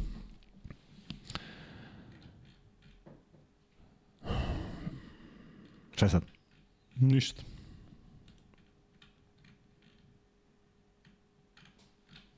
Opet puko. Pa nije, nego kažem ti, ovaj, ne znam da li pričamo dalje. Jel ako pukne opet, hoćemo Ma, da nastavimo priču. idemo dalje. On Biće kaže ovde emisija. čovjek da nam je pukao. Jel Moguće da nam je pukao 14 puta stream u posljednje dva meseca. Možda je pretero. Možda je onako rekao 14. Ko bi brojao 14 čovjek? Ljudi koji vole podcast i gledaju, pa ono, Free, uh, pol. da. Da li je 14 ili manje više? E, Manje? Više. Ne, manje više, manje više. Ništa, ajde ovaj, da privodimo onda kraju. E, nadamo se da će Partizan dobiti. Što se tiče NBA lige, kažem, eto, ukratko, e, kažem, nema smisla da pričamo ako je puklo dva puta i i ovaj, e, kažem, izvinjam se svima i, i sponzorima i vama, ne znam, kažem šta da kažem. E, Ako u NBA ligu volite gledajte podcast 1 na 1, javio mi je sada Srki da tu ne puca, ali tako nije pukao tu. Hm? E, da, kaže Srki da je pukao jedan. E, tako da eto, tu možete da pratite NBA ligu. Ne, ajde ovo to NBA ligu, zašto sam vidio da se vratio Butler. Da. I pobedili su. Koliko je sada u, u seriji? E, 1-1 ili 2-1? 2-1 Za? Mm, za Chicago. ne, za, za, da. Za Miami. Miami vodi 2-1. Mm. I igra se gde? U, u Njujorku. Ne, vjerojatno 2-2. Koliko je to iz serije? 2-1 za... Sad igram pola dva. Večeras. Da, da, večeras igram. da, on se vratio, on igra u drugu utakmicu. E, nije. Treću nije igrao. A, pa drugu nije, da. Prvu i treću i nešto je strovalio opet. Pa, je li igra sada? Nije više povređen. E, igra. A kaže mi, ovaj, a, ovaj, a Denver je izgubio od ovoga... To, to ću prokomentarišem. Ajde. Ovaj, a, Denver, vidio sam šta se desilo. Ne znam odakle Jokić u publici, to mi samo nije jasno. Ovaj, ali eto vidiš kako neke stvari su a, vrlo slične i nepotrebne. Sličnost između toga što se desilo na toj utakmici, ne mogu kažem da je identično, jer je Panter bio isprovociran, ali vidiš kuda je odvelo. I sad priča se o tome da je njemu preti suspenzija. Ne vidim čak ni tu logiku, zato što je pitanje, samo me zanima, da li je bitno da je čovek koji je bio pored vlasnik ili je bio navijač, da li bi se u istom ovaj, maniru gledalo jedno i drugo i ne znam šta bi značilo da je običan navijač. Da li bi Đokić stvarno ovaj, e, bio suspendovan, pošto mi je interesantna njegova izjava koji kaže mislim da su mislim da sudije treba štiti igrače, a ne da liga treba štiti igrače, a ne gledaoce. Ali saista presedan da se u celoj toj bulumenti ljudi nađe čovek koji čak i krene iz nekog razloga da da uzima tu loptu i šta mi je asocijacija besmislenosti jednog i drugog, ne pripada nekako košarci, i, a može da napravi ogromne probleme. Zamisli Jokić da ne igra treću utakmicu, e, petu utakmicu. Kako se posle vratiti uopšte u, u, u ritam i treba pobediti još samo jedno ostaje, tako? Da. Do kraja. Tako da, ovaj, eto neke stvari koje su paralelne ovde šta se dešavalo u okviru Evrolige i šta se dešavalo sada u NBA, ali u svakom slučaju činjenica da uradi onakav da napravi onakvu statistiku i da njegov tim ne, ne dobije, to zaista govori ono što si odavno govorio, pa još od prošle sezone, da ako ne dobije bolje saigrače koji to mogu da reše, da će Denver gubiti, bilo bi šteta da izgube ovu seriju, bez obzira što je Durant poprilično motivisan, ima i njegova lepa izjava, kaže strašno me nervira kad Jokić pogađa, si vidio? Strašno me nervira kad pogađa, kaže mrzim, ne volim kad pogađa i smeje se naravno, ali ovaj, mislim da su jedni i drugi sposobni da ovu seriju privedu kraju u svoju korist, ali ako budu na terenu. Da, ja sam mislio da pričamo o NBA ligi više, stvar se dešavalo i Teto Kumbo je nešto, sam vodio neku raspravu pa sam mislio da postavljamo i pol, ali zaista nemam, nemam ovaj... Um, Ma pričamo čoveče, da, pa biće, ma jo, biće ne, svako, pa kući, nema znaš da veze. moram da idem kući, mislim da će ovo da bude... Pa nema veze, bre. Da bude ovaj uh, ventil današnji, a ne da nije ventil, nego je ono... Evo bre, kaže ne, brčkani. Nedić kaže ne puca ništa, Elem ne puca ništa, nastavite. Ma Pričaj da. cepaj, ajde. Dobro. Šta to kumbo za onu izjavu? Ma ne, nego nešto potpuno 16. Ajde, šta? E, Pa kaže, evo, kaže Ivan Page, kaže, Kuzma, reci Luke se nervira toliko kad pukne izgubi se 5 do Ne, 10 ne sekundi. svataš Kuzma da nam, evo, kaže mi čovjek, Luka, ja više ne mogu da gledam, sad ću da ti Pa pročitam. dobro, možda kaže, taj Luka, ja ovako stvarno više, sačekaj. Pa dobro. Luka, brate, volim te mnogo, ali ja stvarno ovako više ne mogu da gledam. To mi kaže čovjek koji mi mnogo znači. I to, kažem ti, vidi se po brojevima da mi sada kada gori celo imamo manje u live-u i manje svega. Sve 1200 padne na 6 i onda ljudi freshuju po ne znam. I treba da ispoštujemo ljudi koji su tu, ali će one prvi razumeti da ne možemo da radimo sa istim. Znaš šta se dešavalo danas, znaš u kojoj atmosferi radimo. Godinu i po dana radimo kako treba i sada, kažem ti, ja ovde piljim u ovo po 3 sata da se ne pojavi rip, rip, rip, rip, rip, pošto je to znak da je pukao i uvek se iznenadim negativno. Znači ja kažem ti možda iz ove pozicije sa tim, ti kažem ti pričaš, možda ni ne vidiš i sve. Ali ovaj Pa svako ne želi da Znaš, se nervira sad kad sam je. dobio, kad sam dobio ove informacije koliko naše puca, a koliko dugo ne puca i kažem ti neozbiljno i prema sponzorima, pokazuju ti poruke koje sam dobio. Um, jednostavno, dobro, ajde, radit ćemo, ne, dalje, radit ćemo dalje, kao da je sve normalno. Pa dobro, nije normalno, nije, nije, nije, nije ni razlog za baš toliko se nerviraš. Ali, Pa razumem da. sve, mislim, ne moramo sad da pričamo, sve znamo i pričat ćemo posle, nego samo čisto. Pa, znaš što je najgore i nema potrebe da pričamo, zato što smo već vodili hiljadu puta razgovor i tu se ne slažemo i jednostavno, znaš, um, E, znaš, imat ćemo u sredu, ćemo imati posle Partizan Real. Ja treba opet ovde da, da gledam da li je, da li je puklo ili nije puklo. Ne mogu da se koncentrišem, ne znam kako ti kažem, da ti postavljam pitanja, da ja pričam o nečemu, zato što ovaj, e, ne radimo kako treba. Sad mi možemo da ulazimo analizu šta je, kako je i, i šta se dešava, ali dobro.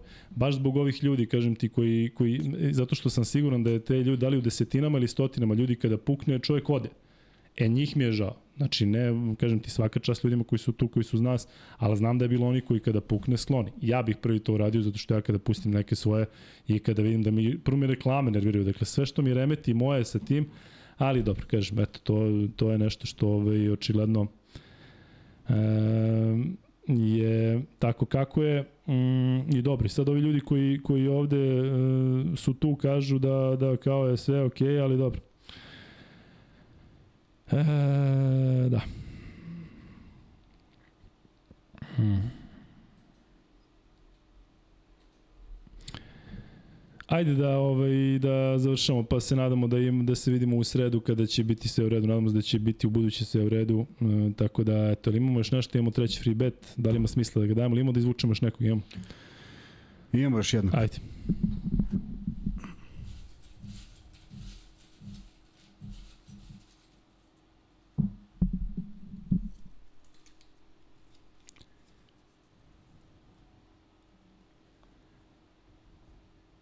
Lazar Cajrovic, 93, gmail.com. Lazare, čestitamo. Dakle, Dušan, Lazar i Nikola.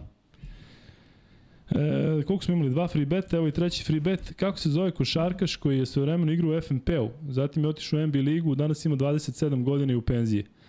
Dakle, to je isto nešto što sam spremio, spremio sam malo da se igramo sa tim, pošto imamo još jedan uh, uh, free bet uh, i eto, radili smo danas eto, više od dva sata, tako da nema šta.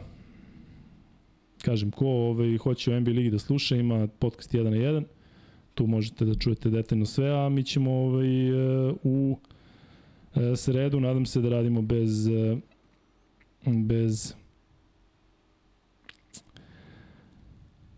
remećenja. Johna Bolden, tačno Ilija Živadinović je ovo uh, odgovorio. Ilija Živadinović dobio treći free bet. Svi koji dobijete free bet, šaljite na lukajkuzma.gmail.com I to je to. Kuzma imaš nešto da za kraj ili da, ovaj, da to bude to. To je to. Vidimo se. Ćao.